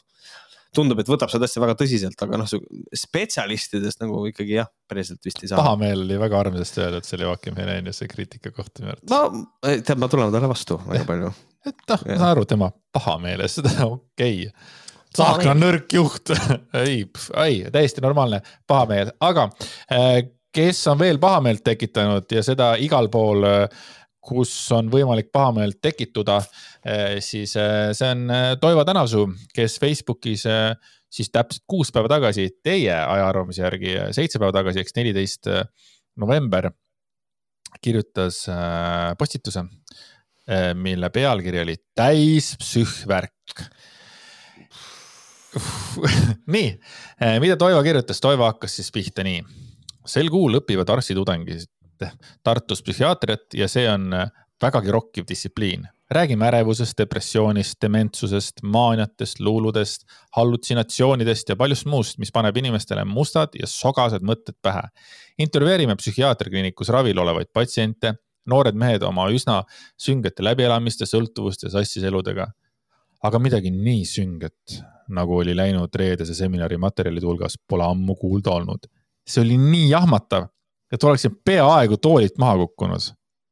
sotsiaaltöötaja rääkis meile oma tööpõllust ja lasi ringi käima mõned töövahendid. Nende hulgas leidus Taanis, sulgudes, see on tsiviliseeritud riik. Fredex Bjergis, Bjergis asuva vaimse tervisekliiniku Janus Centret spetsialistide välja töötatud murebaromeeter tegemist oli juhisega, mille järgi sotsiaaltöötaja või kes iganes saab otsustada, kas lapse või teismelise seksuaalkäitumine on murettekitav. ja sellesse tuleks professionaalidel kuidagi sekkuda millegipärast ta jätab ära tegelikult selle parameetri äh, väga olulise eesmärgi ja see eesmärk on tegelikult äh, panna tähele äh, hälbeid seksuaalkäitumises mis ei vasta, mis ei ole eakohased, et tuvastada ära ja vältida laste ja teismeliste seksuaalset väärkohtlemist mm. -hmm. see millegipärast jättis ta siit selle välja, mis on hästi oluline asi kogu selle asja juures. eks ta nagu me hiljem saame, ta räägib nagu tema tahab siin, jättes mõned asjad kõrvale, aga, aga ausalt öeldes äh, on mu mure nende Taani psühhiaatrite pärast vähemalt sama suur või suuremgi kui laste pärast, kelle hindamiseks nad mõõdiku välja töötasid. sest mure baromeetrist loeb sõnaselgelt, et see, kui kahe või kolmeaastane laps mängib eakohaseid seksimänge kaaslastega, katsub oma pereliikmete suguelundeid, ropendab, küsib seksi ja eostamise kohta, hõõrub oma suguelundit millegi vastu ning on erektsiooniseisundis, siis on see kõik täiesti normaalne, eakohane käitumine ta paneb lõppu hüüumärgi äh, ehk siis ta tegelikult nagu noh, tema nagu seisukohast see ei ole normaalne eakohane käitumine Äh, ta, siin on ta kirjutanud ka seda, küsib seksi ja eostamise kohta.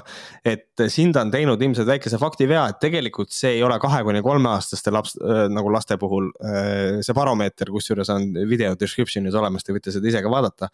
see on nüüd tegelikult selle seksi eostamise kohta, see on pigem kuue ja kümneaastaste juures tegelikult, millegipärast. ei ole, küsivad seksi eostamise kohta on kahe kuni viieaastased lapsed. Mureparameetris, altpoolt neljas. aa, on küll jah, minu viga, ja, ja, ja... Aa, sest et see on kuuekümneaastaselt ka. Ja okei okay, mm, -hmm. okei. Okay.. et kahekümne viie, aga, aga nüüd ongi küsimus, et küsivad seksi eostamise kohta, see on normaalne käitumine, et Toivo tänab su millegi jaoks, mis siis nagu siis mis, mis, mis, kuidas see nagu ei ole normaalne või siis, mis, mis oleks, kui Toivo tänav su laps küsib nagu midagi seksi või eostamise kohta, kust beebid tulevad või kuidas beebid tulevad. mis siis Toivo Tänavu võtab oma lapsest käest kinni ja veab selle kuhugi psühhiaatri juurde või, või miks see ei ole normaalne käitumine, laps tahab teada. laps avastab ja, maailma. see on hästi, see on hästi huvitav, noh, me jõuame selle, me jõuame selle teemal pikemalt rääkida ka veel, et, ähm, et kui me lähme näiteks praegu edasi kuue-seitsmeaastaste juurde noh, millele ta nagu täpselt samamoodi, et. Äh, ei, oota, oota, aga äkki jääme korra kahe kuni kolme aastase kohta, et nagu mis nagu jälle mängib eakohaseid seksimänge kaaslastega.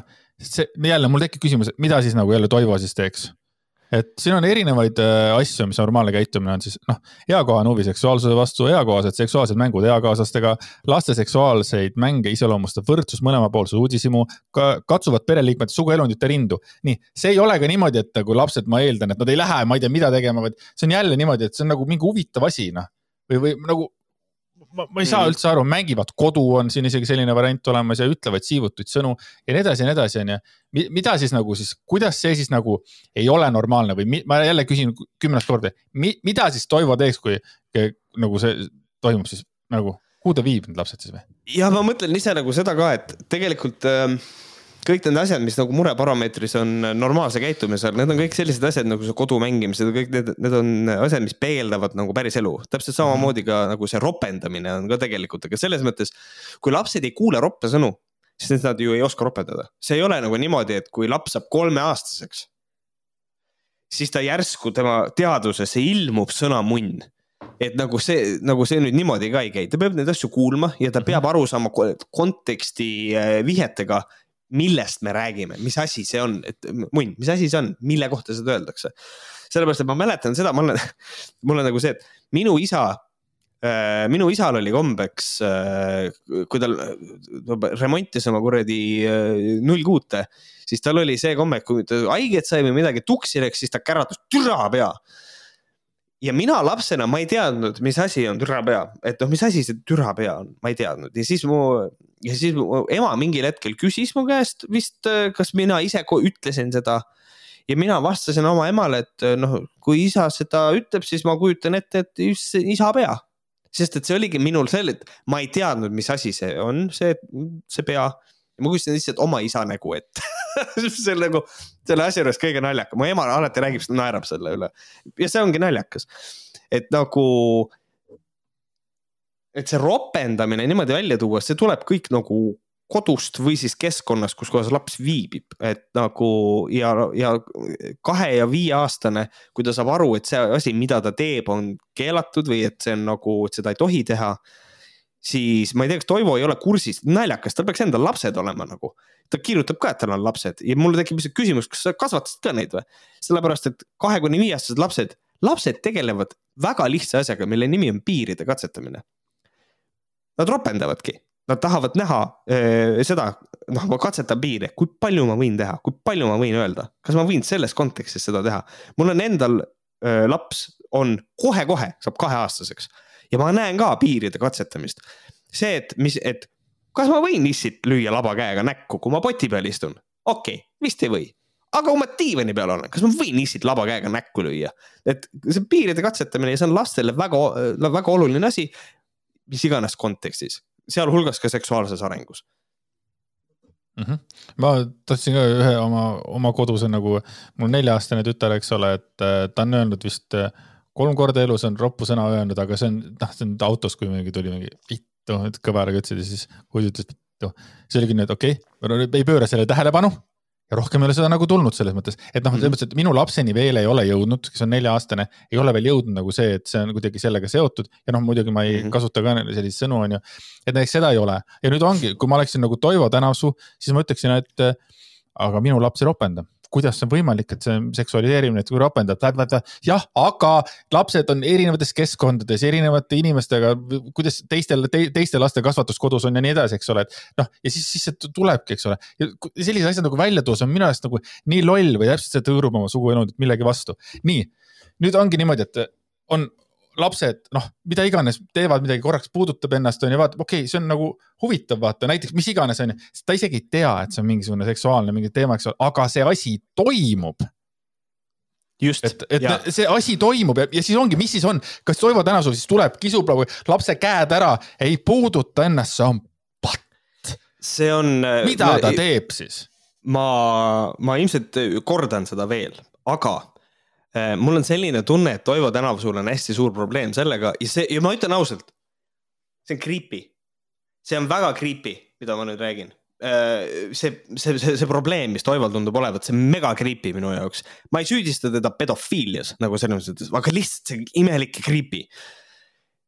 kui me ütleme, et lapsed mängivad seksuaalse alatooniga mänge, siis seksuaalse alatooni hinnangu anname meie, täiskasvanud inimesed läbi oma nagu vaatluse et mängud on seotud seksuaalse arenguga. laste jaoks on need mängud, laste jaoks ei ole need seksuaalsed. laps ei istu, sul ei ole kolmeaastane laps, ei mõtle tule tahaks täiega masturbeerida, nagu that's not how it works. ta katsub ennast sellepärast, et hmm, see on, see on nagu mõnus hmm.. ja ta, lapsed tavaliselt teevad seda enne magama jäämist ka, selles nagu selle nagu see kahe kuni viie aastane, see peaks olema mm, -hmm. sest Rita Holm rääkinud, muidugi kui sa ütled Rita Holm, siis kõik su mõtted lükatakse kohe prügikasti sa, oled pedofiil. aga et tegelikult ongi, et eh, kuna eh, nende eh, intiimsete piirkondade katsumine on tegelikult ikkagi nagu meeldiv, siis ähm, kuidas Rita Holm kasutas mingit sõna selleks, unnutamine vist. et nad nii-öelda unnutavad enne magama jäämist, nad katsuvad ennast, sest et see on mõnus, see aitab neil rahuneda ja lõõgastuda ja nad jäävad magama. et need on normaalsed asjad tegelikult, mis, mis, mis ei ole need on, see on enda keha avastamise osa, neid ei ole vaja lastele ette näidata, need tekivad autonoomselt. ja see on naljakas, et tänavasuut see nii väga häirib, see on, see on kummaline mm. -hmm ja veel kord, lapsed ei seksualiseeri seda ise, seda teeme meie. just, just ja see murebaromeeter, seal ongi niimoodi, et siin on nagu roheline, siis normaalne käitumine on mingisugune hunnik asju mm. -hmm. siis järgmine on tähelepanu ja sekkumist nõudev käitumine, seal ongi juba järjest niimoodi, et umbes näiteks ongi sihuke punkt, eks ülimäärane huvi seksuaaltegevuste vastu, boom. see tähendab mm, -hmm. et okei okay,, hoiame pilgu peal ja siis äh, vajadusel, eks ole, sekkub ja siis on veel kolmas äh, punane kohest sekkumist nõudev äh, käitumine, näiteks kui laps äh, räägivad oraalse, anaalse või vaginaalse suguaktiga seotud või muust hirmutavatest vägivallast, üritavad sundida teisi oma suguelundit puutuma ja sellised asjad. see on nagu see, mhm. mis on nagu päriselt ongi nagu puna ja red, eks ole, et äh, ma ei tea mis siin oli veel, et valust hoolimata no. suruvad esemed iseenda või teiste tuppa või pärakusse. Need on ja. nagu need, mis on nagu päriselt on problemaatilised see ei ole eakohane normaalne käitumine, onju. aga ta, ta nagu selle ta viskab kohe kõrvale ta räägib mingi sellest, et äh, väike laps katsub ennast. väike laps katsubki ennast, kas ta ei to-, selles mõttes, kas ta ei tohi või kuidas väike laps, kuidas ta üldse avastab iseennast või, või maailma ongi ju päris palju katsudes ja vaadates nagu ma ei see ongi minu arust, äh, ma ütlen ausalt nagu äh, Toivo Tänav, sul on äh, selles mõttes, ma kunagi kümme pluss aastat tagasi kirjutasin Facebooki siukse lause, et ja, ja enne kui ma selle välja ütlen, siis see on nagu see, et see, sihukest asja ei ole okei okay kirjutada, sihukest asja, see, see väljendus ei olnud mitte kuidagi okei okay.. kui see tol ajal Toivo Tänavsuuni jõudis, siis ma siit tagantjärgi vabandan, see oli tõesti inetu, ma kirjutasin Facebooki, kas keegi võiks palun Toivo Tänavsuu maha lasta või ära tappa, ma ei mäleta, kuidas ma kirjutasin. ja see ei ole okei okay., aga Toivo Tänavsuu on mul kogu aeg nagu hingel olnud, sellepärast et tal on huvitav komme öelda kõige debiilsemaid asju, ma ei mäleta, kas see oli tol ajal ajateenistusega seoses. ja nüüd me oleme siin tagasi, kus Toivo Tänavsuu again is being really fucking stupid ja ma ei saa sellest ja ma ei saa sellest aru. miks see on niimoodi, et noh, kuna ta öö, hoiab tra, nagu oluliselt traditsioonilisemaid väärtusi, on ju. miks see on niimoodi, et seksuaalharidus on alati see asi, kus kohas nad lihtsalt lähevad konkreetselt täiesti lolliks kõik, ma ei saa sellest aru. et nüüd on täpselt samamoodi, et siin on ilusasti murebaromeetris on kirjas, et jah, et, et selles mõttes, et Äh, et kui äh, üks laps sunnib teist end, nagu ennast katsuma, siis see on ilmselt see koht, kus kohas peaks nagu sekkuma, sest et seal on suur kahtlus, et võib-olla see on asi, mida tema, teda ennast, kuna lapsed teevad järgi, võib-olla keegi käitub temaga niimoodi, et siin peaks nagu sekkuma, uurima, milles asi on. ja siis on nagu see, et, et laps äh, stimuleerib ennast, puudutab ennast ja siis Toivo Tänavsuu on nagu ei, see ei saa olla niimoodi ja see on tõepoolest, see on minu arust on see, on see erakordselt suur probleem, kui inimesel on selline suhtumine. ma ei saa sellest Val, aru, jah. valguse võit äh, järgnimelises grupis Facebookis ka äh, see teema oli üleval ja seal Krista Fischer kirjutas kommentaari ja siis ta ütles ka, et äh, kirjutas, et teatud vanuses on igati eakohane, kui laps teeb või räägib midagi, mida meie kultuuriruumi täiskasvanud jutumärkides rumalaks peavad. on siis alasti ringi tilbendamine, külaliste juuresolekul pepu nokunaljad või midagi sellist. sellises olukorras piisab lapsevanema selgitusest, et mis on sobiv käitumine ja mis mitte, nii palju võiks äh, ju tal juba arstiharidust olla, et mõista, et arsti jaoks normaalne tähendab patoloogia puudumist, mitte tingimata viisakust ega moraalsust. just, aga see äh, ongi, see ongi see probleem, et Toivo Tänavsuu õpib arstiks, aga mingil hetkel on tema väärtushinnangud ei lase tal elada reaalses maailmas, mis vastab sellele, mida ta õpib. Ja see on nonsense ja ma olen ma jõuan sinna võib-olla täna ühe korra ka, aga võib-olla peaks fucking paberid välja võtma, kui sa ei ole suuteline aru saama sellest, millega sa tegelikult tegeled. et see on, see on selles mõttes täiesti absurdne, et ma toon hea näite, minul oli ka selline juhtum, ma läksin oma tuttava juurde. Eh, ja tema laps tuli ukse peal vastu. Eh, ja esimese asja ütles mulle, emme käis kakal. nii kas see on nüüd mingi nagu, see on nagu hea elementaarne näide sellest, et äh, laps ei, päris täpselt võib-olla ei adu seda, et kas see on esimene asi, mida ma ütlen külalisele noh, et, et siin on ka, kas siin on vaja teha mingit selgitustööd, et noh, need on siuksed privaatsed asjad, nendest me üldiselt ei räägi. muidugi mhm. mul on selles mõttes suva, ma ei tea, aga võib-olla, ma ei tea, võib-olla ma ei tea, kui Toivo Tänavsuu oleks mu tuttavale külla läinud, võib-olla ta oleks infarkti saanud, ma ei tea. Oh my god, kuidas teie laps räägib sihukest asja, ma, ma ei tea. sest, sest äkki tema laps seda ei tee, siis on.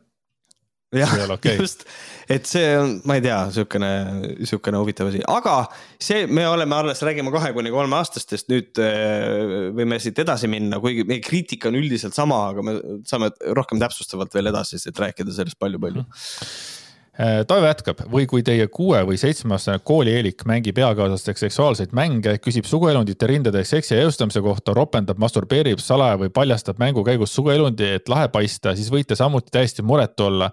Äh, seegi kõik on absoluutselt normaalne eakohane käitumine põhjamaise tippspetsialisti hinnangul.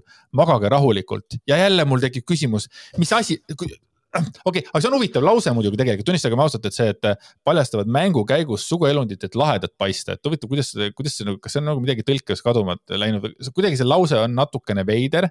ma saan aru, mis ta mõtleb, aga see kuidagi lause üldiselt on natuke veider eesti keeles. Mm. -hmm. mängivad mängu, kus, aga noh, jälle samamoodi, et ta äh, täiesti normaalne.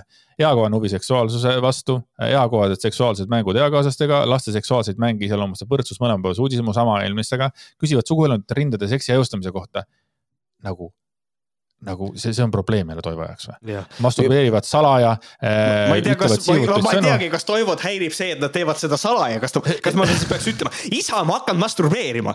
nagu see täiesti absurdne. see ja, ja mind häiribki see ju nagu kõige rohkem see. et Nii. me jõuame selleni ka, Toivo puhul ongi nagu, me näeme seda teda see masturbeerimine tohutult häirib kogu selle asja juures, see masturbeerimine on nagu see väga suur probleem.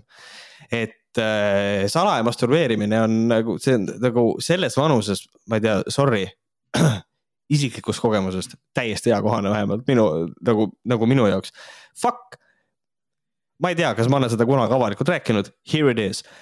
mina nagu, kui ma seda täna su kuradi lolli postitust lugesin, siis ma mõtlesin tagasi nagu selle peale, okei okay,, millal mina sellise kuradi, selliste asjadega alustasin.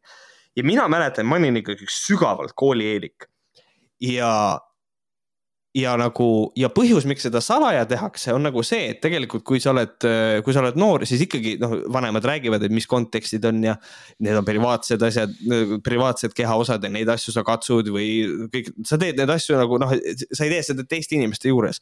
sellest kõigest tekibki lapsel nagu see, et kui ma ennast nagu katsun, siis ma teen seda ju salaja. That's why it happens ja, ja, ja naljakas on see, et ma nagu mäletan seda, et ma olin võib-olla viieaastane, kui ma alustasin. ma olin ikkagi nagu suhteliselt noor, vähemalt enda arvates, on ju.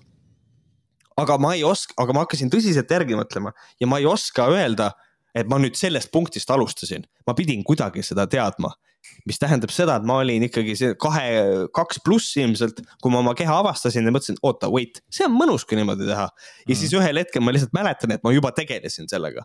et nagu see on, see ongi arengu osa. ja, ja, ja, ja kui rääkida oma teiste meestuttavatega sellistest asjadest, tuleb välja, et holy shit, kõigil on enam-vähem samamoodi.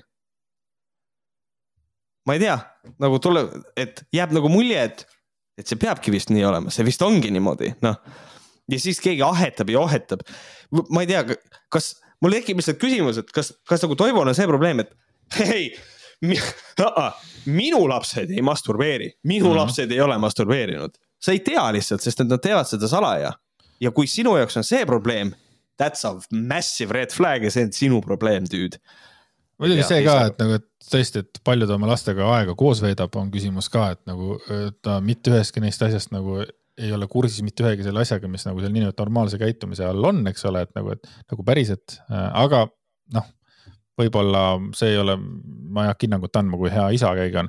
aga mm. ma võin öelda, et äh, kui sa ütlesid, et kõik, kõik, kellega ma olen rääkinud või noh, kellega räägitakse meestevana, siis nad mäletavad seda, siis mina tunnistan ausalt, et ma olen nii vana, et mul puudub igasugune mälestus sellest, kui ma olin kaks või viis või midagi taolist. ei no mul sama, ma nii kaugele ei tea. mina, mina ei mäleta nagu äh, sellist nagu aga, aga ma pigem nagu mäletan seda, et pigem seal kuskil mingi üheksa aastat või niimoodi, et siis, siis ma nagu ikkagi juba, juba olin kuulnud seksist, ma juba nagu mõtlesin seksile, mingi imiteerisime mingi oma mingi naabritrüdrukuga mingeid asju, eks ole. et see oli samamoodi, see oli nagu mingisugune, see on nagu mingi mäng, et ma täpselt ei teadnud, aga see oli kuskilt mingisugune imitatsioon millegist, mida me olime näinud mm, -hmm. teinud yeah.. et aga ma just mäletan ju üheksa, aga vot viis, kurat. ei mäleta, see oli nii ammu, ammu, ammu jah, ei mõtle kunagi paarikümne aasta pärast sa ei mäleta, mina ei mäleta seda seksi asja üldse. ei, ei, ei vastupidi, siis kui me kolmekümne aasta pärast teeme Võhkrite kaheksakümne nelja tuhandet kolmekümne saadet, siis, siis mul hakkab meelde tulema see, siis sa mäletad ka ainult neid lapsepõlve asju, vaata õige. ja mul tuli meelde, kolmeselt panin käe endale, noh. jah, just, just. nii äh, Pa-pa-pa-pa-pa ja kui üheteistaastane masturbeerib äh, salaja või lausa sõpradega koos, mängib eakaaslastega seksuaalseid mänge, tunneb suurt huvi seksi vastu, ropendab ning vaatab netis pornot, siis ka see peaks teid vähimalgi määral alarmeerima. jah, arvasite õigeks, ka see on täiesti normaalne eakohane lapse areng. okei okay,, jälle, mida siis Toivo teeb, kui tema laps tuleb ja ütleb, mine vittu no ei no päriselt, kas, mis ta siis teeb, hakkab, hakkab, hakkab vaime välja ajama või mida ta teeb siis nagu selles mõttes, no netist porno teemat, see selles mõttes äh, ma ei suuda sellega suhestuda veel hetkel, et ma nagu ei tea, kuidas hakkab äh, lastel see telefoni aeg või see. ma, mm -hmm. ma mhm. nagu noh, ma, ma, ma ei suuda veel sellega suhestuda, sest et kui mina võtan oma aega, siis sellist asja ei olnud olemaski veel, internetti isegi ei olnud mõtteski veel kellelgi tead. ja mina pidin veel ja minul oli veel noorena see, et selle jaoks oli vaja modemiga sisse helistada ja siis Kasahst alla laadida mingisugune neli tundi alla laetav kuradi video, äh, mis oli tohutult sita kvaliteediga, et aru saada, kus siin see tussu on nüüd.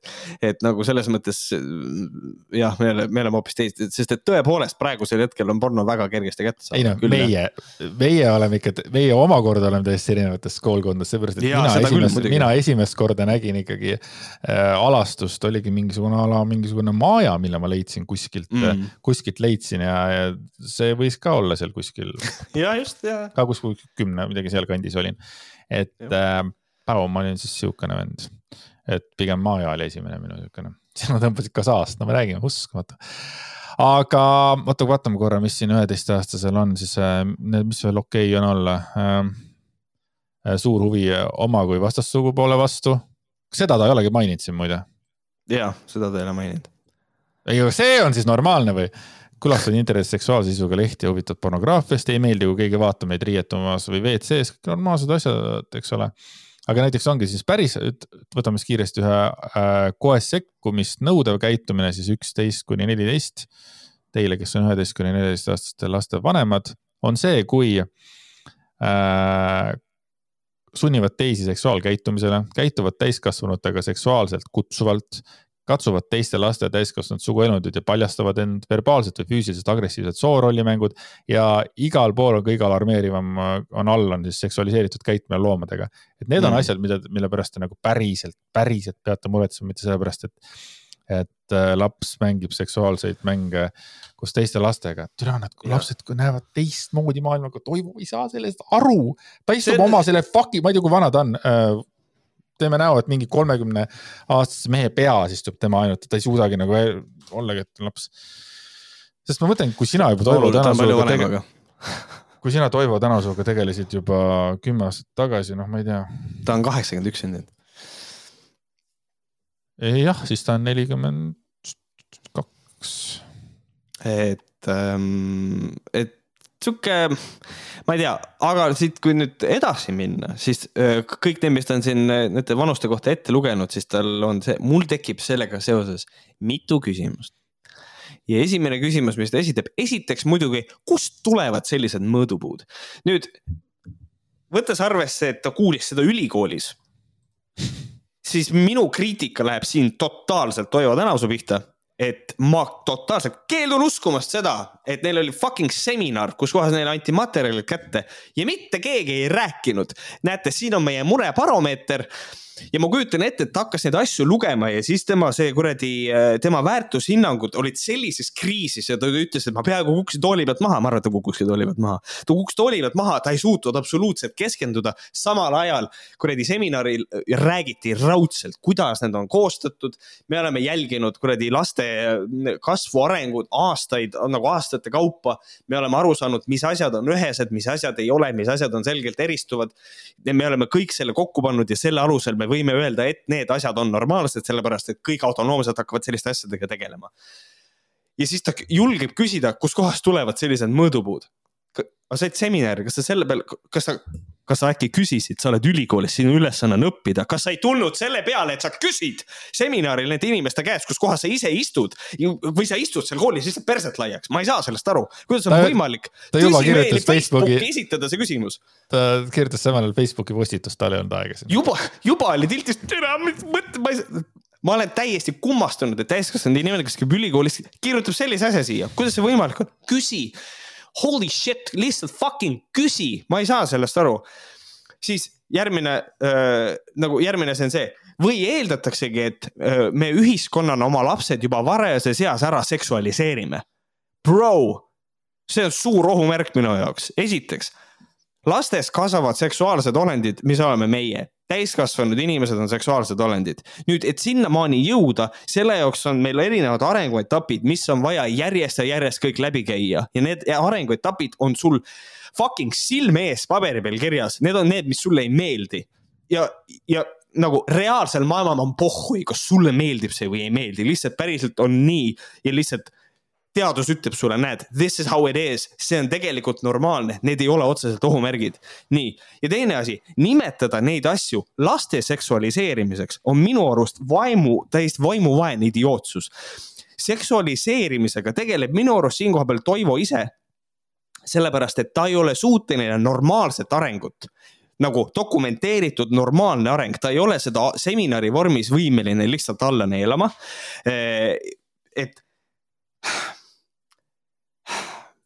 ta seksualiseerib seda nagu selles mõttes, et jällegi täiskasvanud inimene seksualiseerib selle tegevuse ära, mis on seotud seksuaalse arenguga. lapse jaoks ei pruugi see tegelikult seksuaalne olla, aga kuna see Toivo jaoks on nagu seksuaalne, siis järelikult laps on ka, see on seks, mis me teeme, see on seks, see on seks. seksi kontseptsioon on lapsele täiesti võõras, ta võib-olla teab seda sõna, aga ta ei tea, mis asi see seks tegelikult üldse on nagu.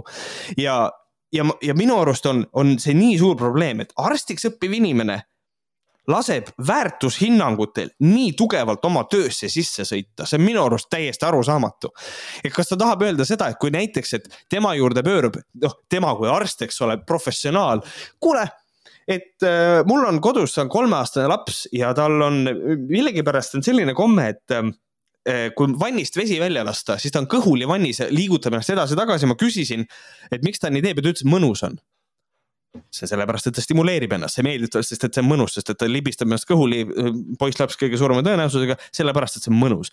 nii, mis siis Toivo on nagu selle pealt, et tegelikult dokument, kõik nagu teadus ütleb, et tegelikult see on normaalne, siis Toivo Tänavsuu on nagu see stopp, vot mulle ei sobi, vot tegelikult see on probleem, sa pead teda takistama. miks, miks sa pead astuma vahele täiesti normaalsele seksuaalsele arengule? see on laste väärkohtlemine, see on fucking child abuse ja see on täiesti uskumatu, et inimene julgeb reaalselt selle kõik niimoodi välja öelda, see teeb sind nii lolliks, Toivo, sa ei kujuta ette.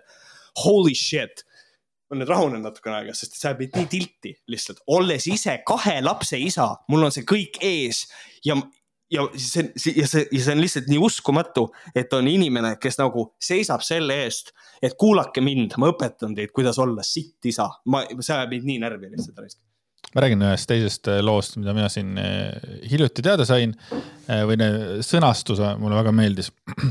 et see on, noh, ma eeldan, et enamus inimesi teab, meis, enamus inimesi meist teab lapsevanematena ja üldse inimestena, et, et näiteks kui laps, no ütleme, eks on head aega, eks ole, et siis see ei ole nii, et sa ei lähe oma last kallistama, vaid kas laps tuleb sinu juurde kallistama või et noh, noh, see et kui laps on valmis selleks, et kas ta tahab või ei ole, vaata vanasti mm -hmm. oli eriti minu arvates see oli teema, et mingi oi tule anna vanaemale kalli ja, ja siis võtab, eks ole, ja noh, vanemad ka, mine nüüd tee vanaemale kalli ja mida iganes, onju.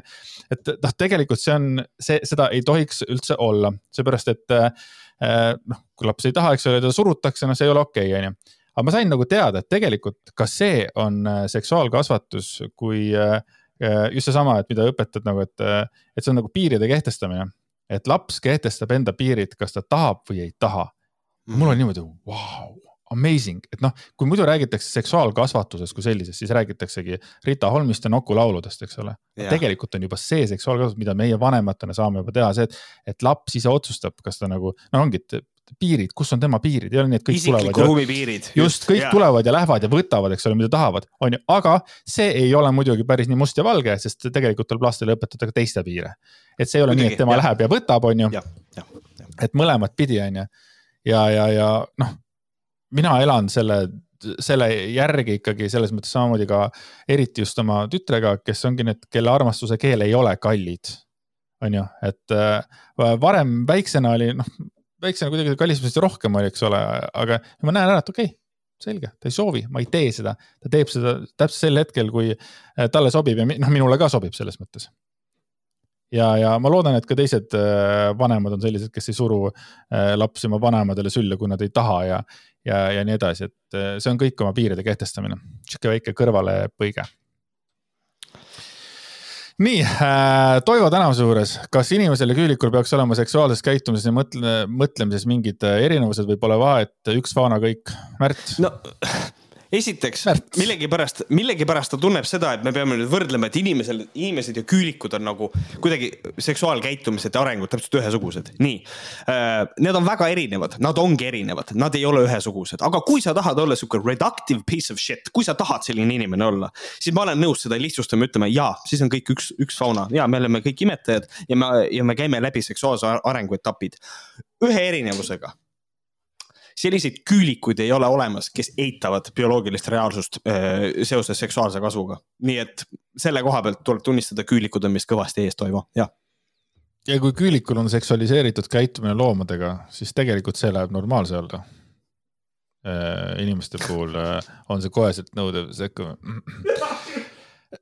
nii, aga Toivol, nüüd tuleb see mina mina faas tuleb temal nüüd pihta. Mhm. mina elan kindlalt ühes teises maailmas. palju õnne, jää oma fucking maailma. Ja istu sisse endale oma fucking teine maailm. elan täiesti, mina elan täiesti teistsuguses maailmas ja praeguse seisuga sa elad antiteadlikus, anti, antiteaduslikus maailmas jah, et sellel pole teadusega mitte mingisugust pistmist, lihtsalt sinu, e-, sul on endal ebamugav ja siis sinu enda väärtushinnangud kirjutavad üle selle, mida ütleb teadus. ma saan aru, lõppkokkuvõttes see on fine, ma olen liberaalne inimene, ma olen nõus sinuga kasvõi selle teemal avalikult debatti pidama. kuradi, teeme ära, et selles mõttes kuidas öelda, ideede turul me võime sinuga võistelda, ma olen liberaal, no problems, aga, aga nagu äh, sa lihtsalt nagu näitad enda seda.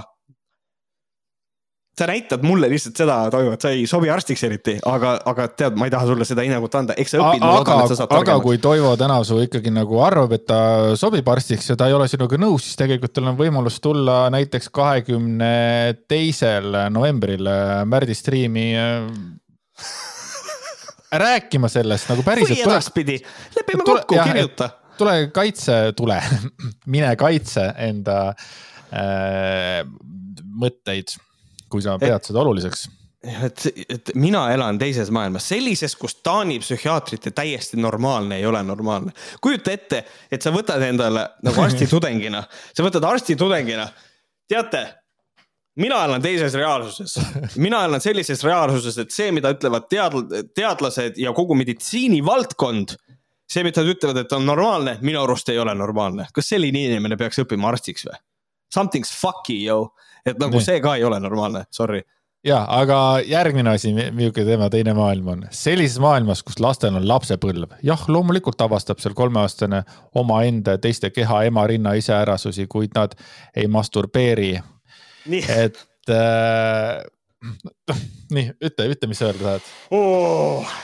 ma tahan öelda seda, kuid nad ei masturbeeri, esiteks sa ei tea seda, Toivo, kas sa käid järel ja kogu aeg kontrollid, nii, aga võtame need kolmeaastased, nii, murebaromeeter, kusjuures isegi ei maini masturbeerimist ma ei tea, kuskohast ta selle võttis. ja ta ütleb, et võib esineda erektsioon on seal kirjas. just, pluss, et nad stimuleerivad ennast puudutades suguelutit või hõõrudes seda millegi vastu. me mm. võime nagu tegelikult nagu öelda, et jah, see on nagu sarnane tegevus masturbatsioonile, me võime isegi öelda, et see on masturbeerimine mis tähendab, Toivo lihtsalt ei ole õigus, jah, okei okay,, sellisel juhul nad masturbeerivad, aga kui sa tahad võtta, et nagu mis asi see masturbatsioon on, siis jaa, okei okay,, nad katsuvad ennast nagu, nad stimuleerivad ennast sellegipoolest. et nagu eh, see, kui see, kui sina oma peas ütled, et ei, sellist asja ei ole, siis see, vaat tegelikult see, mis toimub sinu peas, sellel ei ole reaalsusega mitte mingisugust pistmist. et, et, et, on ikka seda, seda lapsed teevad, see on osa nende osa ja see on osa need, vaid. Te võib-olla peaksite istuma. see on osa nende lapsepõlvest ma tahtsin just seda öelda, et, et see ongi nagu osa lapsepõlvest ja see ongi, et kus la,, kus lastel on lapsepõlv, lapsed teevad kõik kõiki asju, mida lapsed teevad, kaasa arvatud kõik need uued huvitavad asjad, mida nad tunnevad või kuulevad või mingid sellised asjad, et see ongi. kas sa üldse oled kasvatanud oma lapsi, Toivo? ja mis on siis järgmine tal probleem, on lapsepõlv mitte ainult selles mõttes, et kümneaastasena lõikasin ma veel paberist nukke välja ja vaatasin mõmmi aabitsat ja mõned mu eakaaslased sõidutasid linna peal nukuvankreid, vankreid. ja, ja mõttes, kõik need sinu eakaaslased sõidutasid oma nukuvankrid ära ja siis läksid koju ja masturbeerisid, nagu kuradi, ma ei saa aru noh see on nagu, see on nagu, vaata, siin on, tekibki nagu see, et kuidas sa saad tuua nagu eakaaslased sõidusid linna peal nukuvankreid ja sa saad aru, et sa tood konteksti nagu see on, nüüd sa räägid kontekstist, mis on public. Need avalikus kohas, nad käisid linna vahel, sõitsid nukuvankritega ja siin on ja, ja konkreetselt meil murebaromeetris on ju olemas see, et kui tehakse avalikult, siis on vaja sekkuda. nagu are you delusional, mis? ja Andres, palun. ei, ongi see, et äh, jälle, et noh, teised lapsed ja üldiselt ka lapsed võib-olla lõikasid äh, paberist nukke ja türa, kõik vaatasid Mõmmi aabitsat kõik just. vaatasid nagu, mida vittu kuradi üldse sellised asjad siia panna, mis kuradi ja. näite see on? ja ma ei saa ja ma, vot ongi Andres, sorry, ma ei saa sellest aru. aga oota, oota, kas linna peal nukuvankrite see vedamine ei ole nagu keelatud ja see on ka ju kuidagi seksualiseeritud emad ja kuidagi, kuidas emaks saadi. ema roll ja kuidas, kas, et kas, et noh, tegelikult sinna saab ka selle kõik juurde pookida, onju. Mhm. aga probleem on nagu selles, mul on konkreetselt selline tunne, et Toivo lihtsalt ei saanud materjalist aru ta ei suutnud absoluutselt fucking keskenduda. ja siis ta lihtsalt hakkas hullu panema, et noh, lõikasin paberist tukke. kõik tegime neid asju lapsena. ja neid asju, mis on ka murebaromeetris kirjas, me tegime neid asju ka, see ei ole nagu, see ei ole nagu eksklusiivselt, et nüüd on niimoodi, et tänapäeval on normaalne käitumine on ainult need asjad et kui sa oled kolme kuni viie aastane, siis sa, siis sa võib esineda erektsiooni, siis sa käid kogu aeg erekaga ringi nagu. see ei ole see, Toivo, see on lihtsalt osad, mõned käitumised, mille üle ei ole, need ei ole alarmeerivad, aga see ei tähenda seda, et noh, et lapsed ei lõika paberist nukke, et lapsed ei joonista guašvärvide või vesivärvidega, et nad ei kasuta plastiliini, ei, ei, ei vooli sealt endale mehikesi. kõik need asjad jõuab laps ära teha ja siis ta jõuab pärast ennast puudutades ka stimuleerida, kõik need asjad leiavad aset. Millegipärast on vaja välistada, öelda seda, et, et lastel on las-, on lapsepõlv, lapsed tahavad jalgrattaga ka õues sõita. usu mind, nad jõuavad jalgrattaga sõita ja teha kõiki neid asju, mis sulle ei meeldi. ja usu mind, et jalgrattaga sõites saab ka väga palju mõnusat äh, tunnet ja emotsiooni natuke hõõrudes ka jalgrattaga selles mõttes. aga mul, oleks sobinud see lause, noh kuulates kõike seda tema mingit loogikat, kus maailmas ta elab, see lause oleks võinud olla ka niimoodi on lapsepõlv, mitte ainult ses mõttes, et ma kümneaastasena lõikasin äh, ajalehtedest tähti välja ja siis kleepisin neid Google'i ja siis saatsin kuradi mingeid hirmutavaid kirju Google'i, ei. tähendab äh,, minu maailmas lapsed, lapsed seksuaalseid mänge ei mängi, sest nendeks puudub vajadus ütleb äh, Toivo. Neile räägivad suguelunditest, seksuaalsusest ja eostamisest nende vanemad. selles maailmas väärtustatakse üleüldse püsivaid suhteid ning abielu sõlmitakse terveks eluks. oota, kohe enne kui sa hakkad räuskama, ma tahan selle, selle viimase punkti alla, selles maailmas väärtustatakse üleüldse püsivad suhted ning abielu sõlmitakse terveks eluks. lapsed nagu siis, kuidas see nagu, nagu, mida vittu see siia nagu loeb. ja kuidas nagu... laste see käitumine, mida ta nimetab seksuaalseks, kuidas see üldse välistab kõiki neid asju? miks ei või olla niimoodi, et laps päriselt avastab oma keha ja katsub ennast ja sellest hoolimata suudab väärtustada püsivaid suhteid ja ma ei tea, ja sõlmib abielu terveks eluks. ma ei saa aru, miks on vaja need kaks asja üksteisest välistada. kas sa ei Teine... saa aru, Märt, Märt, kuula mind, kui laps ennast näpib, siis ta läheb põrgu ja see on fucking patt aga põrgus sellepärast. on aga põrgus, põrgus on väga hea olla, sellepärast et sealt saab normaalselt nussi, kui sa oled suur inimene. nii, teine asi, minu maailmas lapsed seksuaalseid mänge ei mängi, sest selleks puudub vajadus. ma tuletan meelde, lapsed ei mängi seksuaalseid mänge, lapsed mängivad see, et ta on seksuaalne mäng, see tuleb läbi selle, et me oleme täiskasvanud ja me saame aru, et see mäng on seotud nende seksuaalse arenguga. lapsed ei mängi seksuaalseid mänge, kui nad on vanemad, sure, aga kui nad on ikka päris pisikesed, siis need asjad ei käi nagu niimoodi. ja teine asi, öelda, et selleks puudub vajadus, on konkreetselt antiteaduslik. lapsed õpivad mängides mis tähendab seda, et kui neil on seksuaalne areng vajalik, siis nad mängivad seksuaalse alatooniga mänge, sest et see aitab neil õppida. see, kui kuradi suguelunditest ja seksuaalsusest neile vanemad räägivad, väga hea, ma tuletan siinkohal ka meelde, et see on meie seksuaalhariduse üks kõige suuremaid probleeme on see, et on tervet tsunfti täis debiile, kes räägivad sellest, et me ei tohi lastele seksuaalharidust anda, vanemad saavad sellega ideaalselt hakkama. aga tegelikult ei saa, meil on vanemad, kes ei ole suutelised oma lastele andma seda kuradi normaalset seksuaalharidust ja siis ongi see koht, kus kohas riik ja haridussüsteem peavad aitama, et aidata lapsed noores eas nagu ree peale, et meil oleks ühtlane tase. niimoodi, et meil oleks võimalikult palju normaalse seksuaaltervisega inimesi, mitte neid vittu keeratud inimesi, kellel on ema ja isa ei ole kodus julgenud rääkida, sest et see on patt ja see on paha ja see on hull ja see ei tohi nii. Te olete kõik oma lapsed perse keeranud, fuck me up the ass, kui te tahate. mul on täiesti suva, te olete oma lapsed tuksi keeranud. Nendel lastel on palju-palju raskem, sellepärast et neil on valehäbid ja what not.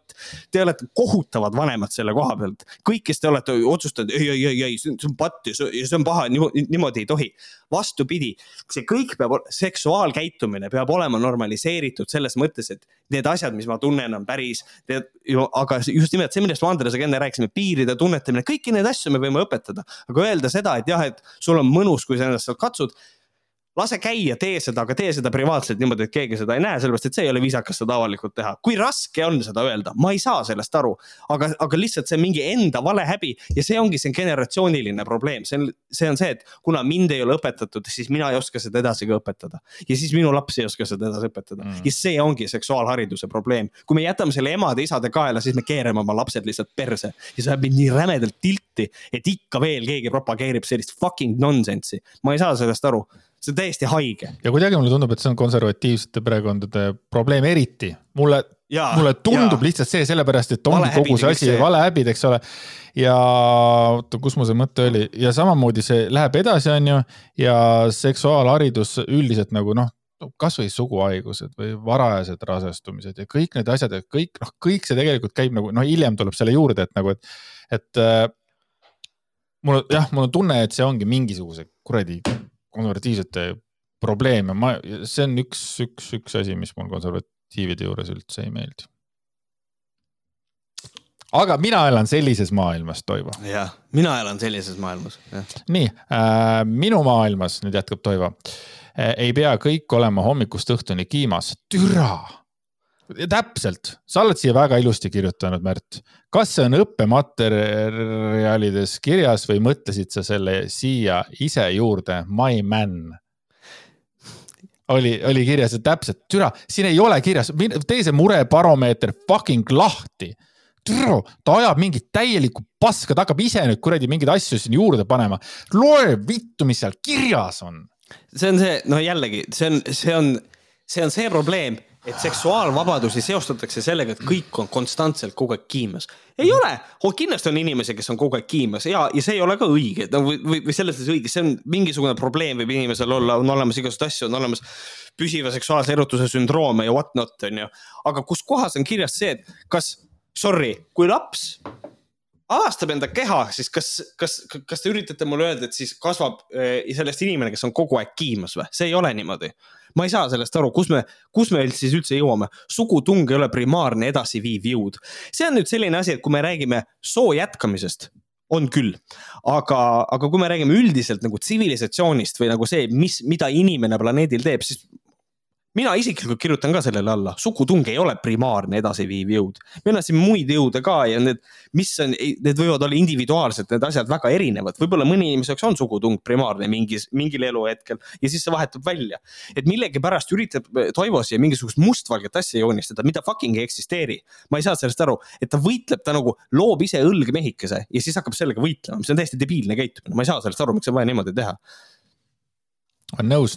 Toivo jätkub, väärtus, väärtustatakse püsivaid turvalisi suhteid, mille viljadeks pole ainult orgasmid, vaid ka lapsed. jälle türa, seda ei olnud kuskil kirjas, siin ei ole kirjas, et, et. et ainult orgasmid. püsivad turvalised suhted on alarmeeriv, et no ma ei tea, kust ta seda võtab. Anyway äh,, jätkas, minu maailmas armastatakse, et teha teine inimene õnnelikuks. kas nagu inimene, lapsed armastavad ka nagu kas ta, kas ta päriselt kujutab ette, et väiksed lapsed ainult lihtsalt käivad ja mingi lasa, mingi käivad, topivad asju või? no mida sa? ei tea.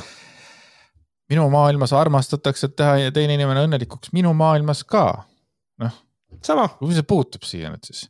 seal ei kergita kellegi kulmu isegi tõsiasi, et enne abielu ei seksitagi, sest tegija pole mitte see, kes on end maksimaalse arvu voodite vahel laiali piserdanud, vaid see, kes reserveerib parima ühele ainsale.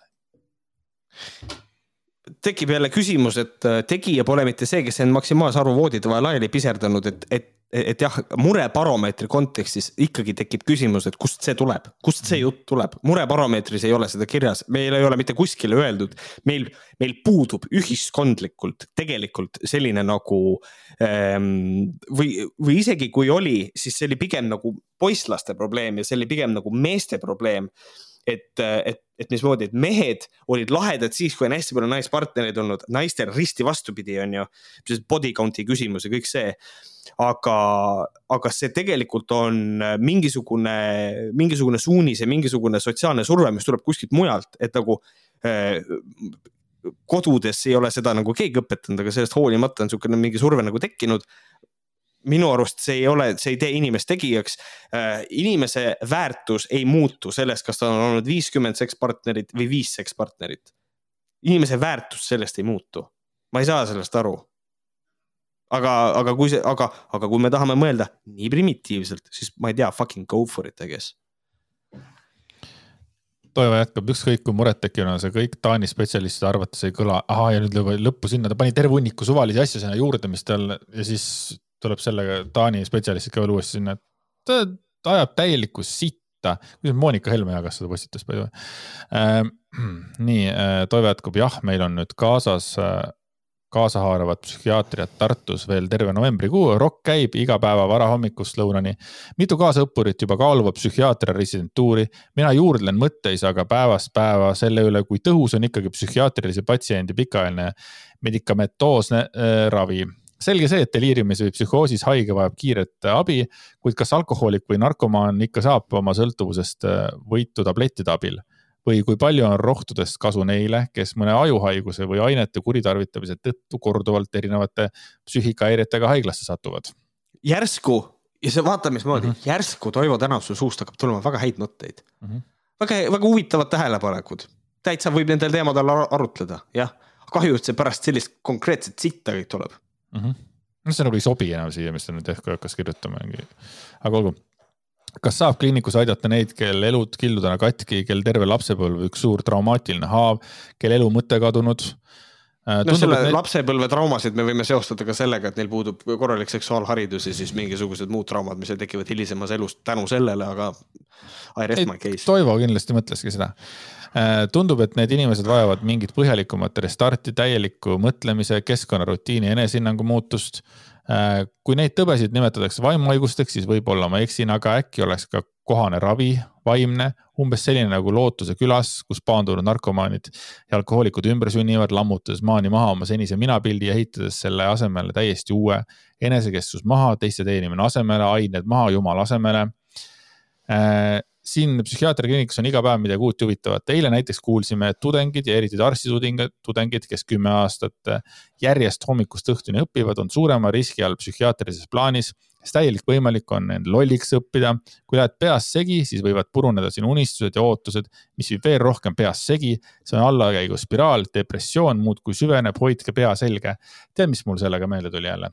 Äh, see lolliks õppimine mul õde võitleb peavaludega Janu on mm -hmm. ikka, no ikka noh, ta on, ta on peavalude maailmameister kindlasti ja ta käib praegu iga konverentsidel ja asjadel, et noh, see on tema thing on ju peavaludes ja ta, ma mäletan, kunagi rääkisime sellest, siis ta rääkis ka, et ta arvab, et kõik see, mis ta kogu aeg õppis, ta kogu aeg mm -hmm. õppis ta oli kogu aeg viieline, ta kogu aeg õppis ja kogu aeg tuupis. tema nägi, ütleme meie maailma seda, tema nagu õppis ja tema ei näinud seda võib-olla, mis toimus muidu, muidu ütleme ja siis mina nägin kõike seda ülejäänud asja, sest vaata, mina ei õppinud. aga tema ütles, et ta arvab, et peavalud on sellest tulnud. lihtsalt sihukene lolliks õppimisega, et olge ettevaatlikud oma lolliks õppimisega, et liiga palju kõike ei ole ka hea õppida on hea, aga jah, lolliks ei maksa minna. just äh,, täna juba kõneleme laste sõltuvus- ja käitumishäiretest, nutisõltuvusest enesevigastamisest, nikotiin, alkohol, kanep, aga ka suhkur. jah, suhkur olla kõige olulisem sõltuvust tekitav mõnuaine väikelaste seas. annad lapsele hunniku magusat, ta muutub pööraseks, rahutuks, hüperaktiivseks. kui aga veresuhkur peatselt langeb, siis tekib, no ütleme näiteks kolmeaastasel võõrutusseisund. laps on ärev ja düsfonks-, vabandust, ja düsfooriline ehk pahur, nõuab muudkui magusat juurde. oh seda elu niimoodi oli siis nagu see lõppes ja siis tulid juurde PS selle postitusega ei kirjuta ma äh, kellelegi ette, kuidas ta elama või oma lapsi kasvatama peaks. nii, nüüd selle koha peal ma sekkuks ja ütleks seda, et postituse häälestus ja toon on väga etteheitev mm. -hmm.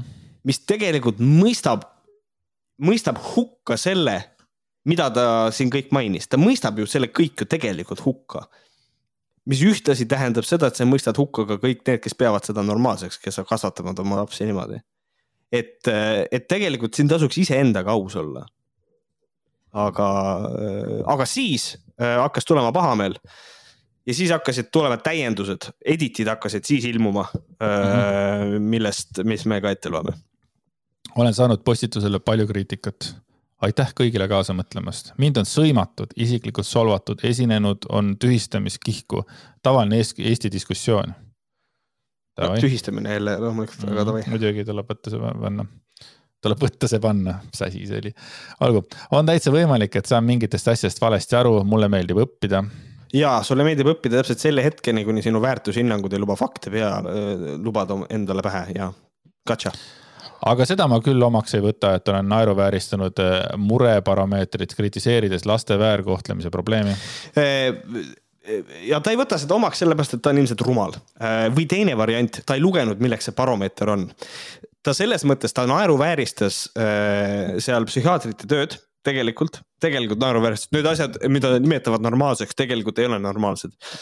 et kui me võtame nagu selle, et ähm, ja ta nagu ilmselt ka jõuab selleni, aga siin on nagu see probleem, et see baromeetri point on märgata väärkohtlemise märke. ja, ja tema toob välja need asjad, mis ei ole ohumärgid. ja ta tõlgendab neid nagu ebanormaalsetena. mis tähendab seda, et äh, kas siis tema arvates sotsiaaltöötajad peaksid varem sekkuma, et kui nad saavad teada, et laps on öösel ennast katsunud, et kas siis peaks sellesse sekkuma, kas seda peaks takistama või nagu, et siis. et noh, tegelikult kui ta ütleb, et ta, et ta ei ole seda naeruvääristanud, siis tegelikult ikkagi on, aga, aga, aga, aga ta ei pea seda omaks võtma, sure, ma saan aru mm. -hmm mul on teistsugune nägemus lapse eakohasest normaalsest arengust kui mure, murebaromeetri anti antiteaduslik arusaam ja teine teistsugune nägemus, antiteaduslik, jah.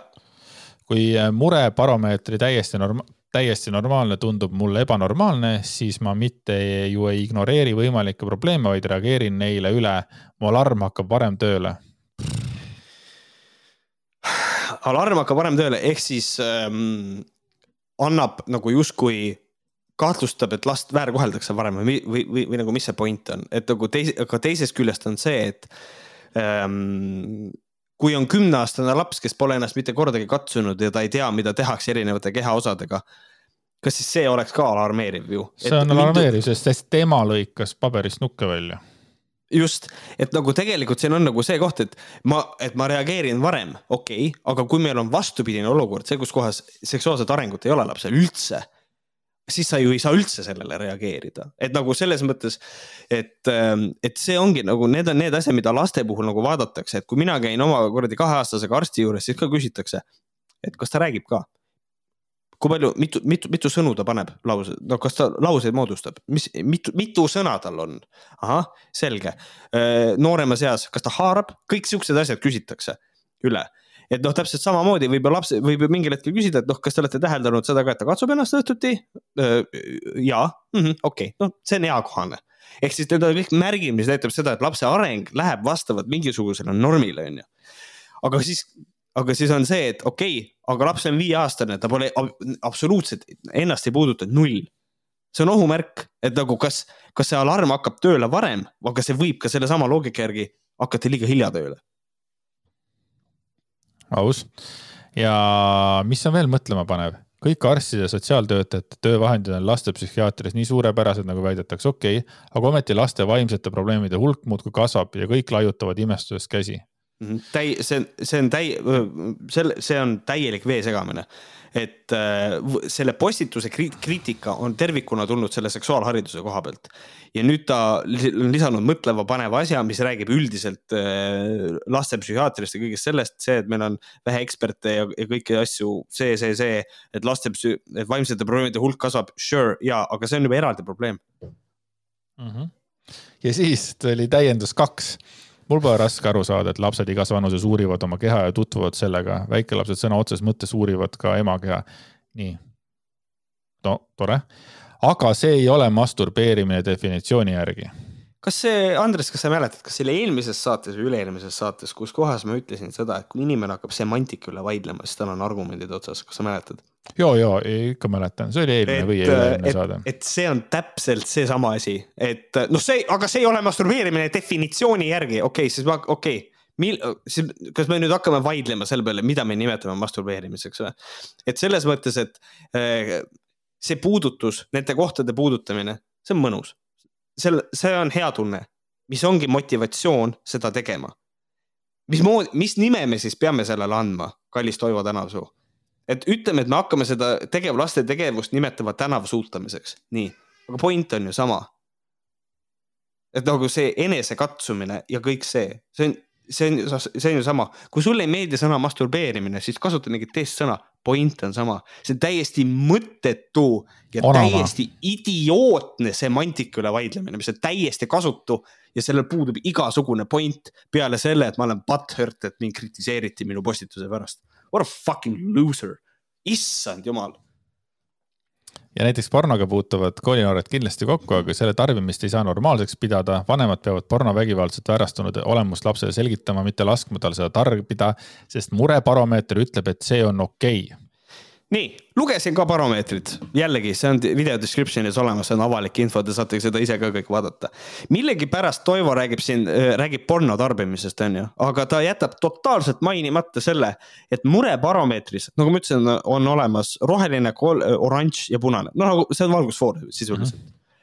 juba oranž on see, et, ähm, et pornot tarbitakse liiga palju aga millegipärast Toivo jätab mulje, et normaalne käitumine on lastele see, et on, laps on viis tundi päevas Pornhubis, taob onni kogu aeg, et nagu see ei, see, see ei ole ka õige.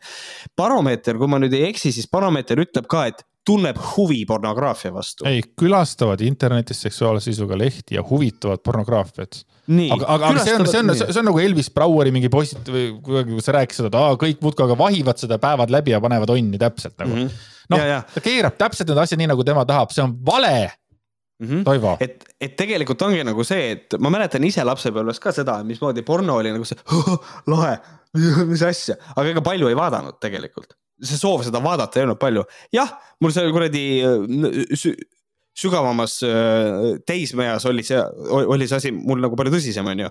aga nagu tegelikult äh, huvi oli olemas, aga ma ei, aga selline liigtarbimiseks ma seda isegi enda puhul tegelikult väga ei nimetaks. võib-olla suts lõpuks, kui, kui ma sain vanemaks või, võib-olla siis küll, sure.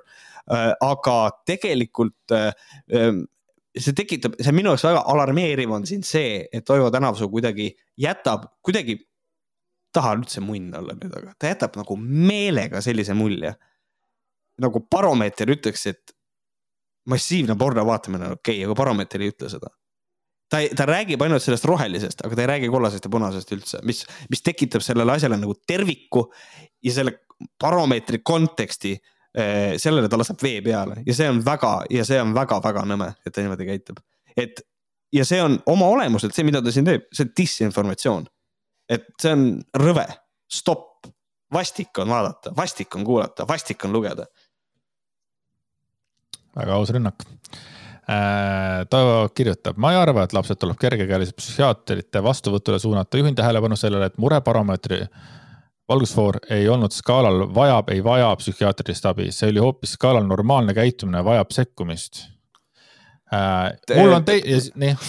see on, see on, see on, see on nagu see täiesti tühi argument probleem on see, kas vajab sekkumist või ei vaja, okei okay,, sa tahad siis öelda seda ikkagi, et, äh, et nagu. nagu Fischer ütles, see näitab, noh, see patoloogia ja kõik see. kui sinu laps ütleb siivutuid sõnu. see ei ütle sulle, ma ei tea, kas, ma ei tea, kas, kas siin on see variant, et see inimene on actually lollakas. Ta vist ei saa aru nagu God forbid, ma täiega loodan, et ma eksin. see murebaromeeter ei ole juhend, kuidas oma last pead kasvatama, vaid mingisugused käitumisasjad, mis on, mis on normaalsed. siin ei ole kirjas näiteks, et ütleme, kahe kuni viie aastane laps eh, ütlevad siivutuid sõnu. nii et see on normaalne käitumine, et sa ei tohi oma last kasvatada. kui laps ütleb sulle siivutu sõna, siis ütle, anna talle see kontekst, kus ta teab, kus kohas on okei okay või ei ole okei okay siivutuid sõnu öelda. see ei kirjuta üle seda, et sa ei tohi oma last kasvatada, jumala eest, või on see, et äh, stimuleerivad ennast puudutades suguelundit hõõrudes seda millegi vastu, kui sa seda näed, siis jällegi sa võid teda kasvatada ja öelda talle, millal selline asi on okei okay. kui sa seda keelad siis tegelikult see on juba minu arust laste väärkohtlemine. aga nagu selles mõttes, et ta millegipärast justkui võtab seda nagu mingisuguse kasvatusmeetodina, aga ei ole talle lihtsalt, tema ise tunneb, et tema tahaks varem sekkuda. sekku siis ise varem, see, kuidas oma last kasvatada, on nagu sinu asi. aga ma ei tea, mulle, mul on konkreetselt selline tunne, et Toivo Tänavsuu ei saanud aru sellest parameetrist. ta luges seda ilmselt ja ta ei suutnud seminaril keskenduda selle asja tegelikule tuumale, see, on täiesti absurdne see läks silme eest punaseks ja hakkas lihtsalt lahmima. Äh, ja siis äh, viimased laused veel. mul on teine arusaam normaalsest jah, absoluutselt ja see normaal ja see, see teine arusaam ei ole kooskõlas tegelikult äh, teadusliku seksuaalkasvatusega. ja minul on nüüd selle koha peal tegelikult ongi nagu see koht, mille ma siia lõppu ka jätsin. mind sitaks häirib selle mehe ju, jultumus küsida see küsimus, mida ta küsis, kui ta kõigepealt need asjad ette luges. Et kust tulevad sellised mõõdupuud, oli tema suur küsimus midagi ilmselt seminaril räägiti, aga ta ei kuulanud seda. nii, minul tuleb ka, minul on teine arusaam normaalsusest ja, aga kuskohast tuleb sinu normaalsuse mõõdupuu? Mille peale see on rajatud, sest et seksuaalharidus on rajatud selle peale, et me oleme ikkagi jälginud laste seksuaalset arengut. me oskame enam-vähem paika panna nagu selle, et mis asi on okei okay ja mis asi ei ole okei okay. ja selle taga on tegelikult teadustööd ja uuringud ja kõik selline asi. aga see sinu normaalsuse mõõdupuu, mille, see ju tuleb sisetunde pealt. Taani psühhiaatrid, see, kes on koostanud baromeetri nemad toetuvad teadusele ja sorry, Toivo, aga sinu sisetunne ei tähenda absoluutselt mitte munnigi, kui me paneme selle teaduse kõrvale nagu reaalse maailma kõrvale. Who the fuck gives a shit, mida sina arvad? Go fuck yourself nagu päriselt ka. sinu, sinu sõnad on täiesti mõttetud selle koha peal. mulle ei sobi, no sorry, sulle ei sobi, reaalsus on selline, see on nagu, see on nagu see, et lihtsalt konkreetselt äh, mulle, mulle ei sobi see et kuradi, mis iganes kuradi oh,, ma ei tea, kuradi õhukoostised, meil on hapnikku nii palju õhus, mulle ei sobi, tegelikult on rohkem. kus sa võtad, et rohkem on, no mu sisetunne ütleb seda. ahah, sure, aga tegelikult on nagu nii palju, nagu see on reaalsus, kus me elame. et ja ma ei, ja, ja see minu arust on kummaline, et see, need väärtushinnangud on niimoodi clash ivad. ja ma ei tea, kui su, ja sorry, Toivo, kui sulle ei meeldi reaalne teaduspõhine eriala siis võta paberid koolist välja, kuradi, nagu ma ei saa aru. Go fuck yourself äh,. Toivo siis viimased äh, kolm pool rida, olen oma lastega vabalt seksuaalsusest ja seksist rääkinud, kui on selleks õige aeg häbita normatiivse suunamiseta, seda nimetatakse ka laste kasvatamiseks. seega ei ole vaja hakata udutama, et tänav suu naeruvääristab seksuaalharidust, sest see lihtsalt ei vasta tõele. Kahjuks ainult, et vastab tõele, tegelikult ta ikkagi naeruvääristas seda, me ka jõudsime sellest juba rääkida ja mulle hästi meeldib see tüüpiline ja, ja, ja siin ma olen nõus selle K-tähega sõnaga nüüd esimest korda ise välja ütlema nagu ka, et see konservatiivne mugavus mis on see, et ma olen valmis, mina olen oma lastega rääkinud nendest asjadest, aga siis, kui on see õige aeg. millal see õige aeg on ja seda ei ütle mitte keegi, mitte kunagi välja, ei no siis, kui õige aeg on, jälle sisetunde pealt paneme, onju, davai. Jesus Christ. Ja siis, kui lapsed päriselt sisetunde pealt autonoomselt avastavad oma keha, siis me peame järsku sekkuma selle inimese arvates või? Jesus Christ, täiesti haige, täiesti haige, uskumatu. Ja Märt võttis äh, sõnad kõigi suust, äh, kui ta ütles go back yourself, aga äh, hästi kiire äh, lõppakord, et äh, äh, mehed, mehed, mehed, meestekuu äh, oli meestepäev, oli isadepäev, asju toimub, kõik on mehed siit-sealt, Märt kasvatab vuntse. kõik on mehed Märt kasvatab vuntse, kõik toimib nii nagu peab ja kes teaks paremini kui naistekas Delfi, mida tegelikult meestele tuleks öelda ja on kindlad asjad, mille kuulmist iga mees täiel rinnal naudib, nii et kirjutage nüüd ülesse, naised, sest et mehed on kõige olulisemad. Äh, number üks, mitte keegi ei aja mind naerma nagu sina. on kirjas. number kaks, kas on olemas purki, mida sa avada ei suuda? kõik mehed tahavad seda kuulda, kõik mehed, saad aru, mul läheb kohe, ma olen kohe olen valmis, äh, kui mulle seda öeldakse. number kolm, sa oled mu kangelane. siis Märt küsib, missugune neist? no Deadpool, tere, ma olen nii kole või eh,? number neli, sa ajad mind hulluks. Et eh, siin on ka kirjas, et mis võiks olla tema jaoks veel parem kui see, et ta sind hulluks ajada oskab. mitte midagi. et huvitav, see on praegu neljas, mitte esimene. number viis, sinust saab kindlasti maailma parim arst, produtsent, muusik, projektijuht mina siinkohal kasutan võimaluse ja ütlen seda, et mina arvan, et Toivo Tänavusust saab kindlasti maailma kõige parem arst ja aga mina ütlen, Märt, et ma, sinust saab kindlasti maailma parim projektijuht. et seda on vaja teada sul. number kuus, sulle sobib see särk nii hästi. aitäh. palun. viis, sa lõhnad nii hästi. Creepy, okei okay. number kaheksa. tüdrukud ei saa täna sinult silmi. naised ja see on see, mida me kõik meestena ootame, kui tuleb, keegi ütleb, naine ütleb, et tüdrukud ei taha, mis tüdrukud kurat, ma ei kujuta ette, kui mulle naine ütleks siukse lause, tüdrukud ei saa täna sinult silmi, siis ma reaalselt, ma, ma arvaks, et keegi on mu naise ära vahetanud. et see on mingi kuradi tulnukas ja kannab mu naise nahka nagu ja siis kõige naljakam on see, et sa oled naisega koos aastaid, onju, ja tegelikult naine teab, et on päris palju asju, mida sa ei oska, vaata. ja siis ta ütleb sulle, kas on midagi, mida sa ei oska, siis ütled, no ja ma ei oska tegelikult, ma ei oska rehvi vahetada, ma ei oska tegelikult äh, õunakooki teha. nii, number kümme äh,. ma tahan teada, mida sina asjast arvad see on tore, kui ikka naised nii ütlevad ja arvestavad Teh, meestega. tehke veel siukseid artikleid, mis on täiesti väärtusetu kõnts, palun. see on nii tore. ja, ja, aga Märt, sa lõhnad nii hästi igatahes. mis ei vasta äh, tõele, aga davai see ei ole oluline, see on see, mida tuleb meestele öelda, sest mehed on kõige olulisemad. aa, ja, ja need on tegelikult need asjad, need ei pea üldse tõele vastama. ei, ei, ei, ei, nalja. täna, tüdrukud ei saa sinult täna silmi mees on mingisugune motokrossi vend, vaata ja siis naine ütleb, sa oled fantastiline projekt igatahes äh, nüüd üks asi veel tuleb kirja panna, me rääkisime küll alguses, ma räägin korra uuesti üle. Äh, Võhkarid see aasta rohkem tavasaateid ei tee ja Patreon'i ilmub veel see aasta kolm saadet, kakskümmend kaheksa november, viies detsember ja üheksateistkümnes detsember. et äh, www.patreon.com patreon.com kaldkriips vohkarid ja siis kirjutage üles, et fucking kakskümmend üheksa detsember kaks tuhat kakskümmend kolm kell kaheksateist null null toimub kõige suurem gala sellel järgmisel, ülejärgmisel aastal üldse, mis on olemas, on aastavõhad. ja see on siis kaks tuhat üheksa, kaksteist kell kaheksateist null null. kui te mäletate, mis setup oli Märdil tehtud äh, eelmine aasta või noh, tegelikult see aasta, aga noh, eelmise aasta aastavõhkade, võhkade jaoks, see tuleb sama hea see on amazing, ma juba, Pärt paneb juba hullu. ta juba ehitab, panen... ta juba ehitab. ma juba panen, ma võib-olla panen seekord isegi kaadri paremaks, kui ta oli siis. Et see on lihtsalt ebareaalne, et igaüks, igaüks teist võib saada võha, võha endale, kui te teete midagi, mis on võhka väärt. jah, just äh,. vot ähm,, selles mõttes, et mul on äh, päeva mõte äh,. võib-olla päeva ma lihtsalt tahan nagu selgitustööks anda, et see päeva mõte selles mõttes ei ole nagu, see, see on nagu päriselt hea mõte, aga mulle meeldib see, et see tuleb Malle Pärna suust aa, see on tore.